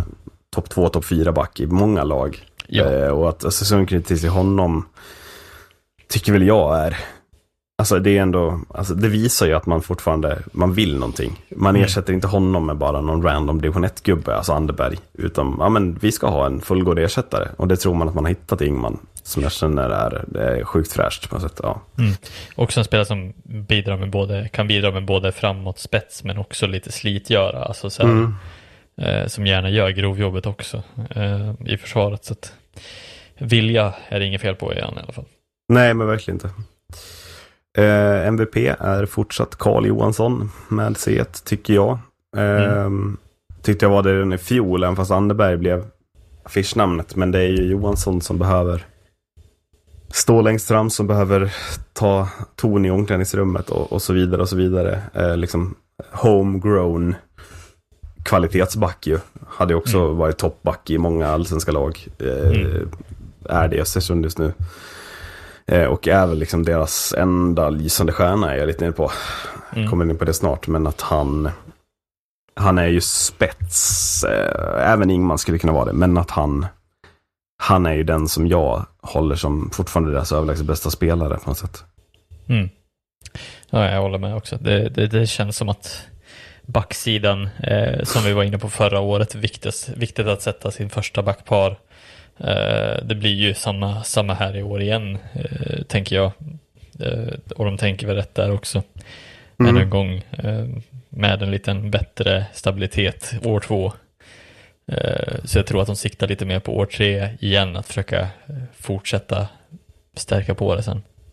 Och hålla sig. Ja, men precis. Ehm, jag ska vända helt här nu. Det kanske fått det att låta som att jag tycker Östersund är lite fräscha och härliga och så vidare. Ehm, men ett gigantiskt frågetecken tycker jag är i avsaknaden av stjärnor i det här laget. Ehm, Målvaktssidan, man fyller på med Alex Diorio tillsammans med Isak Mantler. Jag ser ingen av dem sticka ut och vara en tydlig jättebra första keeper. Eh, på backsidan, eh, liksom, ja, första backparet absolut. Man fyller på med Max Krogdahl bakom, en ganska begränsad back i Västervik. Anton Öhman är kvar. Andreas Söderberg, han är bara lång också, punkt. Forwardsidan, alltså, Sebastian Benker, Georg Golovkovs, eh, Daniel Örn. Alltså det är ganska så mediokra hockeyallsvenska-spelare som har lite rutin från ligan.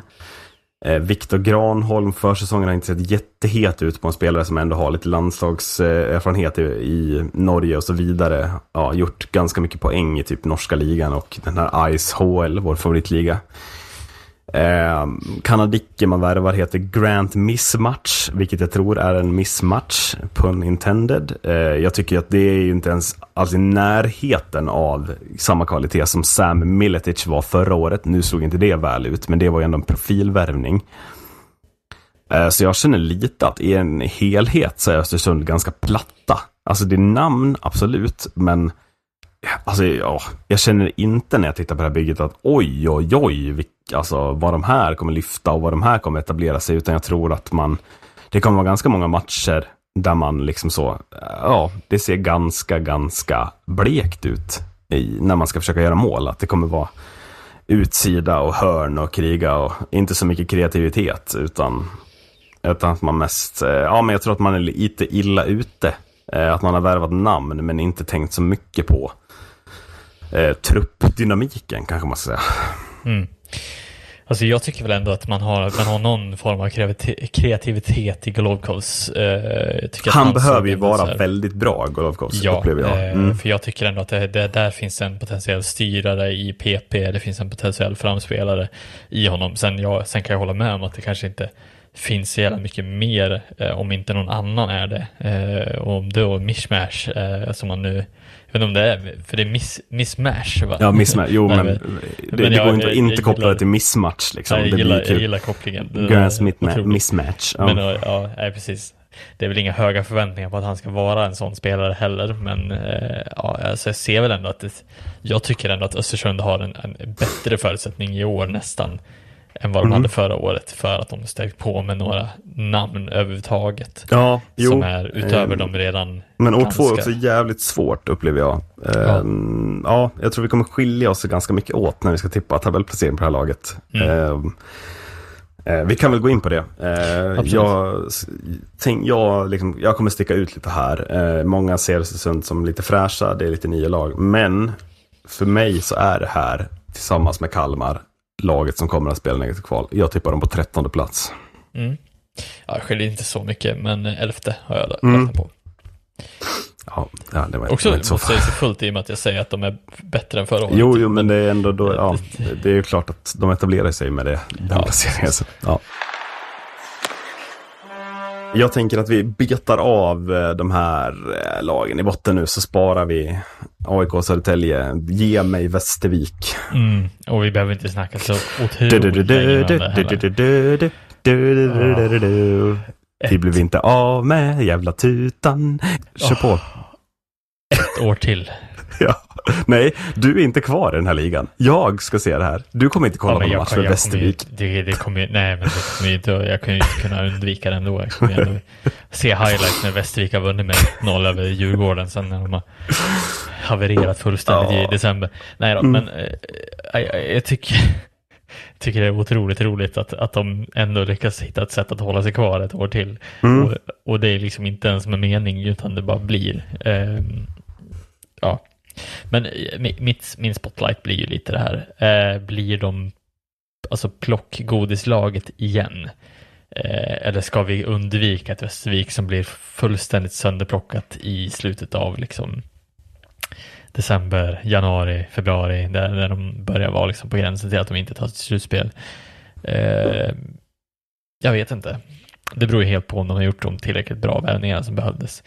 Mm. Eh, men jag blir eh, lite konfunderad över vad hur länge, alltså vi, nu har ju inte det här hållit egentligen, det har ju bara varit en fasad som har blivit att de bara har hoppat tillbaks igen, ett annat lag har gått i konkurs. Ja. Så det har ju uppenbarligen inte hållit med den här modellen som de gör. Eh, ändå får vi ju se de här värvningarna ännu en gång som är liksom, ja. Det är, är det inte de... lite skillnad då? Jo, jo, absolut. Lite bara. jo, men det, det är ju inte ett helt svenskt lag som kommer att ställa Nej, sig på Västervik. men det är inte heller fem värvningar från ECHL för en gångs skull, känner Nej. jag. Eh, på sätt. Ja. Mm. Men eh, jag, jag blir eh, fundersam över vad, vad, vad Västervik tänker och, och gör i, i dagsläget. Liksom. De, de, Mm. har en, de har väl inte en superekonomi kan jag tycka, men eh, om de siktar på att sälja dyrt det här året också eller vad de, vad de nu har för plan. Men eh, nu, nu gick ju den i krasch i min eh, MVP som jag hade, eller intressant nyförvärv som var liksom Quinton Howden som redan har lämnat. Som väl också ska nämnas lite i spotlighten att Ja, eh, precis, en för- för tilltänkt det var, superspetsspelare lämnar, ja, av privata skäl, men det känns Mm. väl som att han var lite omotiverad och kass. Eh, Så att det blev inget, typ. Ja. Han hörde hur oseriöst det lät när han gjorde mål första gången. Bara, helvete, nu, Ja. det här vill jag inte vara del av.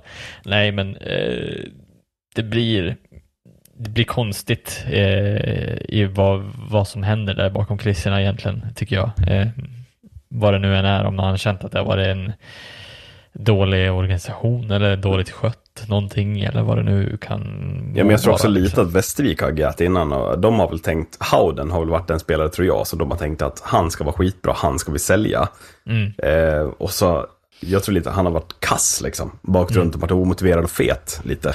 Eh, och då har man agerat i alla fall bara så, nej men du, nej, du får inte vara kvar. Nu, Men är dig, inte, liksom. det, är inte det Quinton Howland som har varit lite kontroversiell tidigare? Var fått Jo, sparken jag i några vet lag? inte. Jo, men eller? precis. Ehm, jag vet Kan inte varför det det ligger bakom, men, men det är ju en karriär med klubbar, kan vi gott säga. Ja. Jag har för mig att det är en ganska lång historia av, av det kan ju vara något som har hänt liksom. Så att, Mm. ja, vi behöver inte grotta mer i det. Det får Nej, men fram precis. Vi går in på annan gång. MVP istället, tänker jag. Ja, och Eller inte något nyförvärv. Nej, det hade du tagit i Howden. Ja, det. Mm. det var ju Quinton Howden, men det blir väl lite inbakat här i båda två. Men alltså, jag kan ju inte undvika att, att det, det absolut bästa värvningsnamnet någonsin måste ju bli MVP i det laget för att vad what else liksom.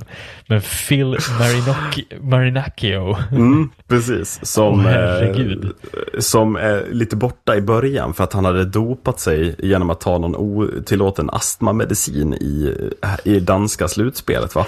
Bara det här Bara skriker den- ju Västervik. Och, och bara den historien, det enda man vet, det är att Marinaccio, han kommer vara kung. ja, Åh, måtte han inte käka O'boy-pulver och åka dit. och men, men också, också, också, de kan aldrig hitta en kanadik med ett dåligt namn. Nej. Alla ska ha, alltså vad är Marinaccio, det är ju Ja. omöjligt att hata. Mm. Ja, ja, och sen, jag menar om vi ska ändå nämna några av de andra, så är det McGrew och så har vi eh, Air Camps och Cotton. Mm, mm. Ja. Men eh, ja, nej, Marinacchio är ju otroligt namn och vi, älskar, vi har ju förkärlek för extra liksom, exotiska namn i Hockeyallsvenskan. Ja, eller men verkligen. Andra ligor. Ehm, nej, så det, det blir väl liksom min MVP och sen det stora frågetecknet är väl, ja, hur mycket ska jag tjata? Men alltså det håller ju inte ett år till alltså. Det blir ju, Nej, Det- men det är det jag är lite inne på. Alltså, jag tycker att det är något annat. Jag tycker, alltså om man tittar lite på värvningarna, jag tycker att Anton Svensson, supervärvning från Västerås, jättebra Mm. värvning. Jag tycker att duon, unga duon Czernik och Theo Jakobsson framförallt, kommer inte Theo Jakobsson ha total show alltså? Han var fan skitbra i Modo när han fick chansen förra året. Mm. ja, ja. Här får han ju liksom typ andra centerrollen. Alltså jag tycker att det är lite smartare värvningar med en jävla höjd i. Mm. Jämfört med vad vi har sett så jävla länge nu med de här liksom bara, ja men vi värvar allt som finns i ECHL för att fylla upp laget. Att jag ja, tycker att precis. det är ändå, ja, jag tror mer på Västervik i år än vad jag någonsin har gjort, vill jag inte säga, men äh, än på många år. Att det känns som att Viktor Öhman tillsammans med Joakim Hagelin som är ny ASS-coach, att man har försökt förändra lite. Att så här, vi, vi bygger lite annorlunda. Sen är det Mm. klart, Marinaccio är där, Cotton är där, alltså, ja. Men alltså, ja, jag, jag blir lite rädd att de, de typ säljer av tre, fyra spelare eh, och går in i Ja. kval mot Kalmar. Sen mm, givetvis så ska ju de ha Kalmar ändå, tycker jag. Eh, Ja. men, men sen samtidigt, ja, psykologi, hela den biten, Kalmar med mm, ingenting att förlora egentligen. Det, det blir någonstans där som jag landar i att Västervik kommer ju att behöva förbereda sig för ett kval. Eh, eller att de bara hamnar i ingenmansland, men att det blir liksom det blir rädslan för att de säljer av alldeles för många bra spelare för att typ ha höjden kvar att hålla ja sig kvar. nej men alltså någonstans, frågetecknet, mentaliteten. är man bara en klubb som ska få till bra spelare som man ska sälja? Eller kommer man faktiskt tro på det? Eh, Mm. liksom, man har lite nya spelare, man har lite bra lag, lite bra lån. Kommer man tro på det hela vägen, inte sälja av någonting, eh, utan hålla i och kanske gå till play-in, vad vet jag. Alltså, kommer man försöka något sånt? Mm. Eller, eller, eh, eller är man bara som du säger, ja men nu vi, har vi bra chans att klara oss kvar, vi säljer av så mycket som möjligt och tjäna pengar på det. Det är ju ett Mm. frågetecken som är värt att ställa på alla sätt såklart. Ja, precis. Eh, tabellen då? Jag Ja, slår till. eh, Eh, jag slår till och säger att jag tror Västervik löser play-in. Eh, Mm. Att de slutar nia. Oj. Nej, Wow. att de slutar, vad blir det? Tia? Wow. Tia blir Det kioskvältaren. Nej, eller? Nia blir det. Kioskvältaren? Nej, jag har, jag har faktiskt satt dem. Jag kanske till och med eh, teasade det, men det är trettonde plats. Ska jag Mm. Mm. sätta Västervik på i år. Mm. Jag funderar på om jag har sagt fel. Eh, Västervik 9. Vi, visst sa jag Bikaskogan 9 och, och Mora 8? Ja, Jag, tror menar det. såklart, jag menar såklart Mora 7 och Bikaskoga 8. Eh, det menar jag. Eh, det, annars går inte väl ihop. Västervik 9 och sen de, de lagen. Ja, bra att jag sa fel med min tabell. Ja, det Men bra. allt annat Det- stämmer. Så man måste lyssna hit för att veta exakt vad det bara, mm, Det är bra. precis. Eh, För, för, nu inser jag att folk trodde att jag skulle tippa Västervik 7 och det, det stämmer inte. Nej, det, här, det är en tydlig topp 8. Eh, och Västervik är precis under den. På, ni- eller på, mm, precis, på Det nionde är plats. lugnt. Till och med Ja. jag har glömt bort vilken ordning du har lagt Det, i. så- Oskar Fantenberg minns vi förra veckan. Ja, Ja, det är lugnt. Vi Bikaskoga måste, 9, ha, Mo- Mora 7 alltså. Typ. Mm. vi måste ha misstag någon gång. Så måste är vi ha det. Eh, nu ska du få de som jag tror allra mest på i år. Eh, om du tar nästa lag. För här kommer Södertälje, Marcus. Eh, och eh, spotlighten är väl att det är en jättesatsning från Södertäljes sida som vi ser. Eh, för första gången ser vi väl ett på allvar riktigt försök att nu ska vi ta steget upp. Jag tycker man ser det bland supportrarna också. Att eh, this is the year. Nu ska de vara med. Ja, men final ska de till. Eh, tanken tror jag. Eh, och ja, ehm, jag tror att det är liksom alltså, man har höjt kraven på sig själva. Supportrarna har höjt kraven, men det känns som att supportrarna är så himla med på den här satsningen. Och att det kan bli så himla bra om man träffar. Eh, Bogren är på plats, Georgsson är på plats, pengarna finns. Videll är kvar, eh, massa bra hemvändare, jätt, alltså jättebra förstärkningar överallt. Eh, ja, ja, det känns som att eh, här är en bubbla uppblåst. Spricker den så kan det bli riktigt illa. Eh, håller de den kvar så kan det bli istället totalträff, är jag inne på.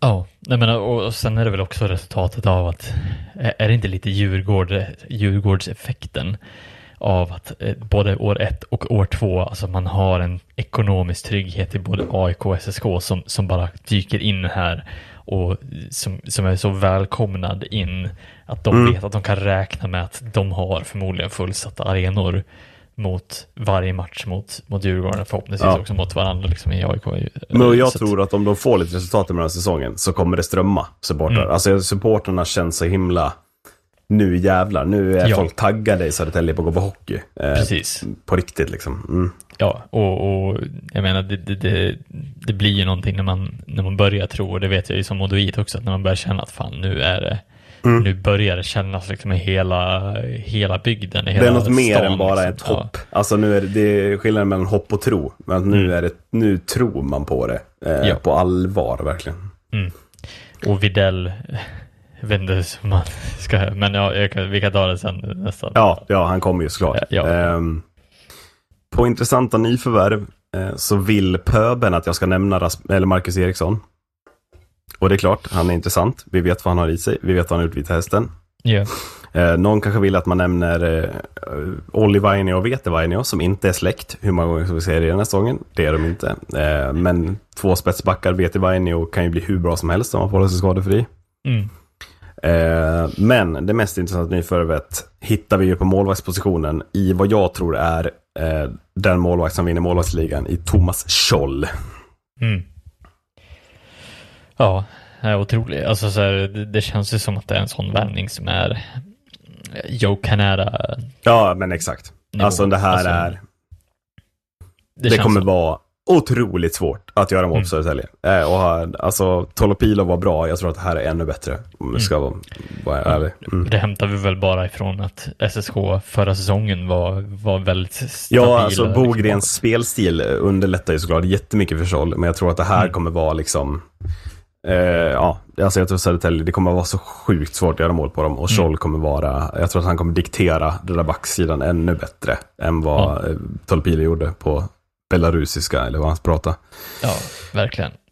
Eh, nej, så att eh, det- det, känns verkligen som att de, de bara bygger på den byggstenen med att göra det ännu svårare att göra mål Mm, på SSK. mm.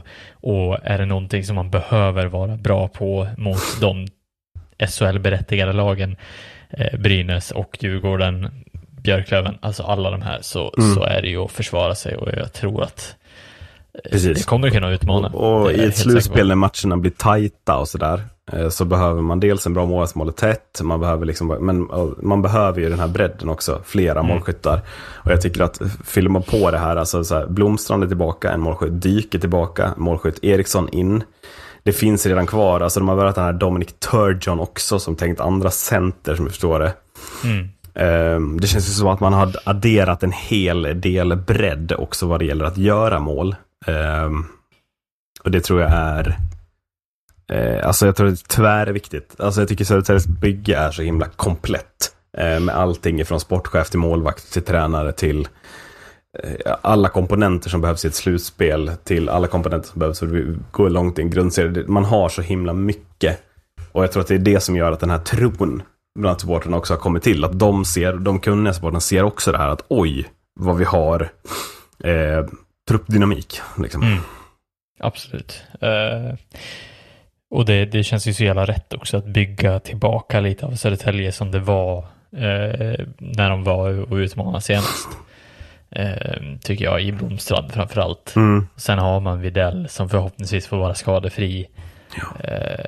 Ja, det, det, det känns ju, alltså ett, ett SSK som, som kommer in, eh, som du säger, också verkligen vill utmana de stora och känner att de har pengarna till att utmana nu Mm. när både AIK och Djurgården finns.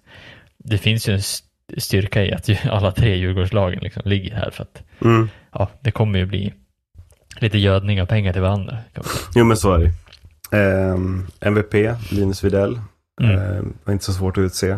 Nej. Uh, orosmålet är väl hur den här skadan, otäcka skadan påverkar honom. Om han kommer in här och den inte har påverkat honom alls, ja. Uh, poängliga vinnare kandidat i ett lag som redan har massvis med poängspelare också utöver honom. Mm. Känns ju... Ja, ja det känns otroligt bra. Och han är ju, kommer vara jätteviktig när vi pratar omklädningsrum och leda Ja. laget ut i tuffa matcher och så vidare också. Absolut. Och man vill ju man vill se en hel Linus Widell spela mot Djurgården i slutspelet. Alltså oj, vilken drama. Mm. Alltså det, jag, jag kan, inte, kan knappt vänta på, på den typen av eh, matchup. Nästan. Nej, alltså, men alltså bara i serien, alltså när möts de första gången. Bara så, alltså, så liksom sådana där matcher också, att Widell Mm. får kliva in och så, ja, bara vara, vara MVP och vara den som tar tid. Och han, han har ju Bognäs fulla förtroende. De funkar så bra ihop förra året, upplever jag. Ja. Att de Ja, tillsammans ledde SSK. Ja. Eh, och har vi något frågetecken på det här laget? Det verkar inte så. Eh, jag får lov att skaka fram ett. Eh, har, har du något frågetecken som du vill lämna innan jag tar mitt halvtveksamma? Ja, nej, nej, alltså frågetecknet blir väl kanske lite... eh, Är det tillräckligt?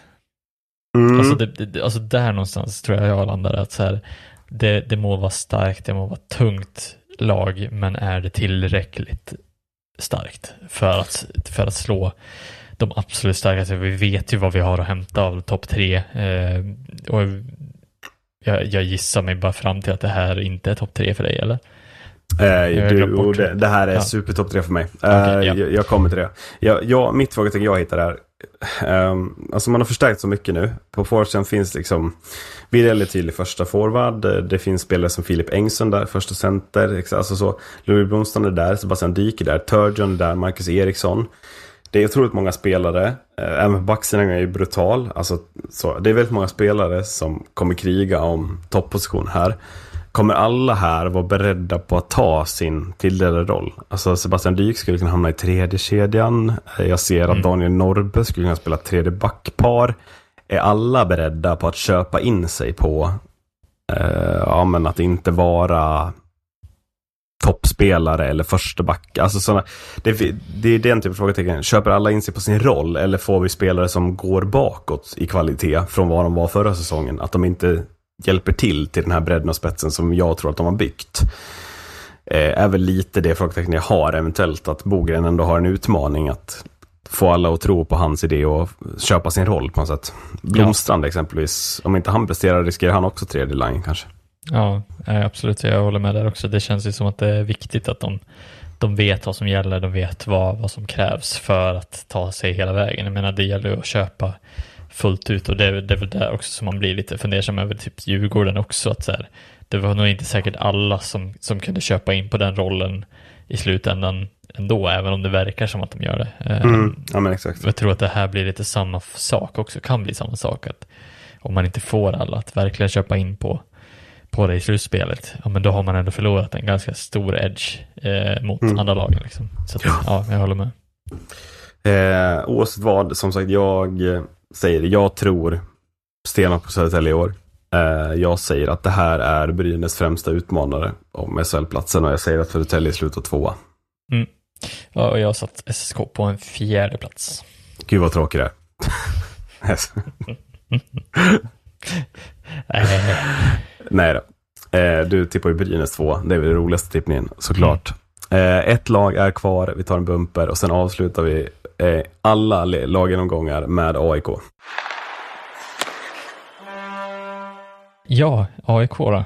Eh, så ska jag prata så här tyst för att det hade hörts i, på Hovet. Eh, för att det är så mm. lite fans där under grundserien. Ja, ja, Men mm. slutspelet ska de ju ha beröm för att det faktiskt eh, kom in lite pengar i kassan eh, mm. nu. För att nu har de ju faktiskt gått ut med och sagt att nu ska vi satsa. Um, och med det så, vad var det, 14 miljoner in på tre mm. säsonger fördelat. Eh, och det kan man väl ändå märka lite i, i det AIK som ändå kommer in i, i den här säsongen. Eh, jag tycker att det, det är någonting som känns annorlunda i, i, i sättet man kommunicerar på i AIK också. Känns som att, att det märks på eh, värvningarna och man, man ändå tror lite på grunden i AIK som fanns förra säsongen. Man lägger några tyngre för, förvärv uppe på det med de pengar som man fått in. Um, mer än så behöver man inte säga egentligen om, om, om AIK, eh, mer än att jag, jag, tycker att det är intressanta nyförvärv man gör med Jerry Fitzgerald från, från Björklöven som mm. absolut kommer in som en topp, toppspelare här också. Uh, det blir lite jag vet inte, ska man säga redemption för Jerry Fitzgerald som inte ja. riktigt fick det rampljuset han behövde i Björklöven. Och inte fick den beröm han förtjänar heller. Nej. Så bra som han var förra säsongen tycker jag. Nej, precis. Uh, och, och, jag tycker att det är det blir otroligt spännande att se vad han kan uträtta i ett AIK som behövde mm. den här typen av spets tycker jag. Ja. Uh, Även om man kan berömma andra spelare som absolut också, ja men Musito Bagenda, Oskar Nord, det finns givetvis, ja, men, men, jag tycker att det här är en nivå till. Ja, och i, de förstärker, ja, ja, jag kan inte hålla mig, men alltså, de förstärker ju också med Christoph Kontos. Alltså den här centersidan. Åh, oh, vad den är fin. Oj, mm. oj, oj, oj, vilken centersida. Mm. Eh, så jag tycker att det är eh, ett mer spännande AIK på kanske några år. 52 år. 52 ja. år. Nej, men alltså jag håller med. Mm.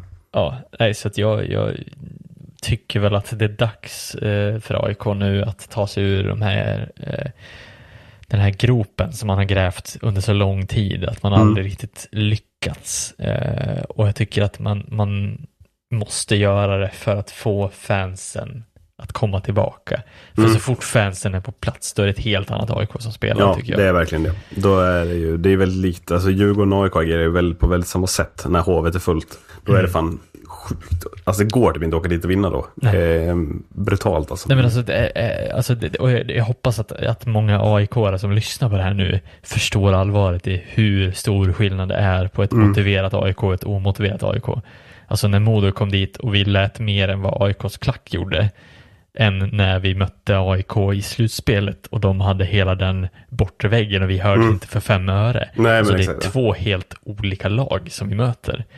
Ehm, och jag tycker att även om vi vinner i det slutspelet som vi gör så tycker jag att det är, liksom, det är en helt annan nu femma som de ställer Mm. upp med. Alltså. Ja, då har jag fått det sagt också Ja, innan jag precis. går in på min tydliga, tydliga MVP här. Mm. Eh, som blir i Rickard Gynge. Eh, s- med set på... Mm. Mm, eh, På bröstet. Ja, Eh, jag, jag tycker verkligen att det är eh, det måste vara en tydlig MVP. Ja, nej, men inte känns gör det inte mest. också lite, nu har han fått ett år att anpassa sig, att Mm. det här kan också bli, wow vad Precis. poäng det kan bli. Eh, Jag tror också att, att en, en Gynge som kanske har ställt om till en mer laid back roll som inte Ja. kanske behöver göra mest mål Så, som han, poäng. behövde, han behövde ett år för att, för att liksom ta den rollen också. Mm. Han känns anpassad och klar Mm. för att eh, hjälpa AIK på ett annat sätt, men Precis. till högre nivåer på något sätt. Ja. Precis, och jag tror att man kan få se en annan typ av Rickard Gynge i ett AIK i år än vad man sett tidigare. Eh, vilket kan vara till det positiva skulle jag säga.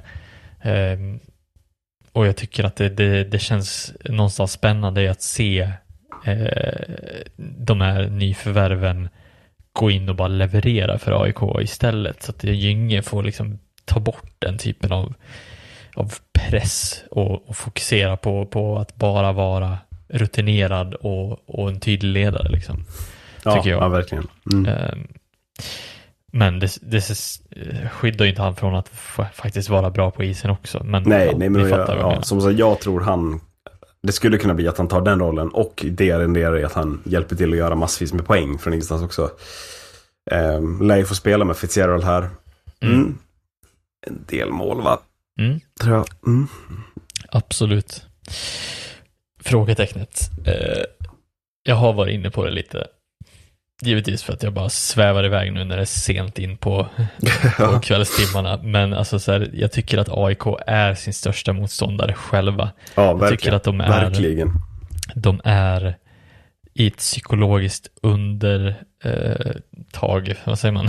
Under, alltså jag tycker att de hela tiden sätter sig själva i en dålig sits.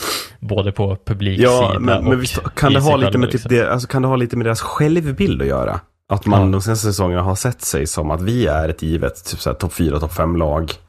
Fast man inte har spelare för det, fast man inte har att, att eh, man har gått in med en mentalitet som man inte kan gå in med eh, och inte varit tillräckligt ödmjuka för uppgiften, vad man behöver göra för att vara det man vill vara på något sätt. Mm. Eh, och, ja, och det har gjort dem till sin egen, ja så. Man förlorar hemma mot massa konstiga lag och sådär. Tar Mm. konstiga förluster från ingenstans. Mm. Precis, och, och, och, och man, jag tror man från supporterhåll också förväntar sig att AIK ska vara ett, ett lag i högsta serien. Eh, och, det, och det blir lite den här att när de inte når upp och det blir liksom en så här, aha, nej det blir inte i år igen eller det blir liksom inte, man, man ställer sig inte om och tänker om att okej nu är vi en ny spännande satsning, låt oss verkligen pusha de här till gränsen, låt oss Precis. motivera till att faktiskt vara den bästa supporterkulturen i Hockeyallsvenskan. Mm, Alltså mm. de, har ju, de har ju resurserna för det, de har fansen Precis. för det, men de är inte på plats. Det är ju Nej, det men jag jag, tror på. att, alltså, så på samma sätt som jag pratade om SSK precis, att de har fått fansen med sig. Så tror jag AIK, de har i år chansen med ett bra truppbygge, bättre än på många år. Eh, en Gynge i rätt form, eh, liksom att de kan också få sina fans att börja tro lite på det. Eh, och på det sättet liksom hjälpa dem till nästa nivå tack vare det. Att man, man, ja, det handlar ju om det. Få fansen att tro på det. För då får man också lite, lite an, utrymme att andas när det går dåligt. På något sätt. Absolut. Ja, Ja. Är vi framme vid den slutgiltiga tabelltippningen? jajamän. Mm. Eh, ja, det blir, det, det blir nog en sjunde plats, eh, Mm. skulle jag säga. Tyvärr. eh, det är. AIK och Södertälje vi skiljer oss åt. Jag tippar ju att AIK kommer femma. Eh, Så att eh, höjer upp dem. Mm. Och tror att, eh, och det är ju bara baserat på centersida såklart. Mm. Jag, är inte, jag är inte bredare än så. Mm. Mm. Ja. Eh, Där, Marcus, så slog klockan 00.00 söndag kväll den 17 september. Ehm, tack till alla som har lyssnat. Och liksom hoppas ni förstår vad det tar på oss att göra de här avsnitten. Men vi är i mål. Nu ska serien dra igång. Nästa vecka kommer ett första vanligt avsnitt. Det ska bli fantastiskt att prata om det. Jag tror att det är jättebra att vi också inte har pratar SHL efter två omgångar utan att det får gå fyra omgångar när vi pratar om det. mm. Ehm, men här är vi. Eh, vad ska eh, Mora göra om backsidan inte fungerar? Eh, De ska spela sarg ut. Ska de De ska spela sarg ut. Tack för att ni har lyssnat. Hej då. Hej då.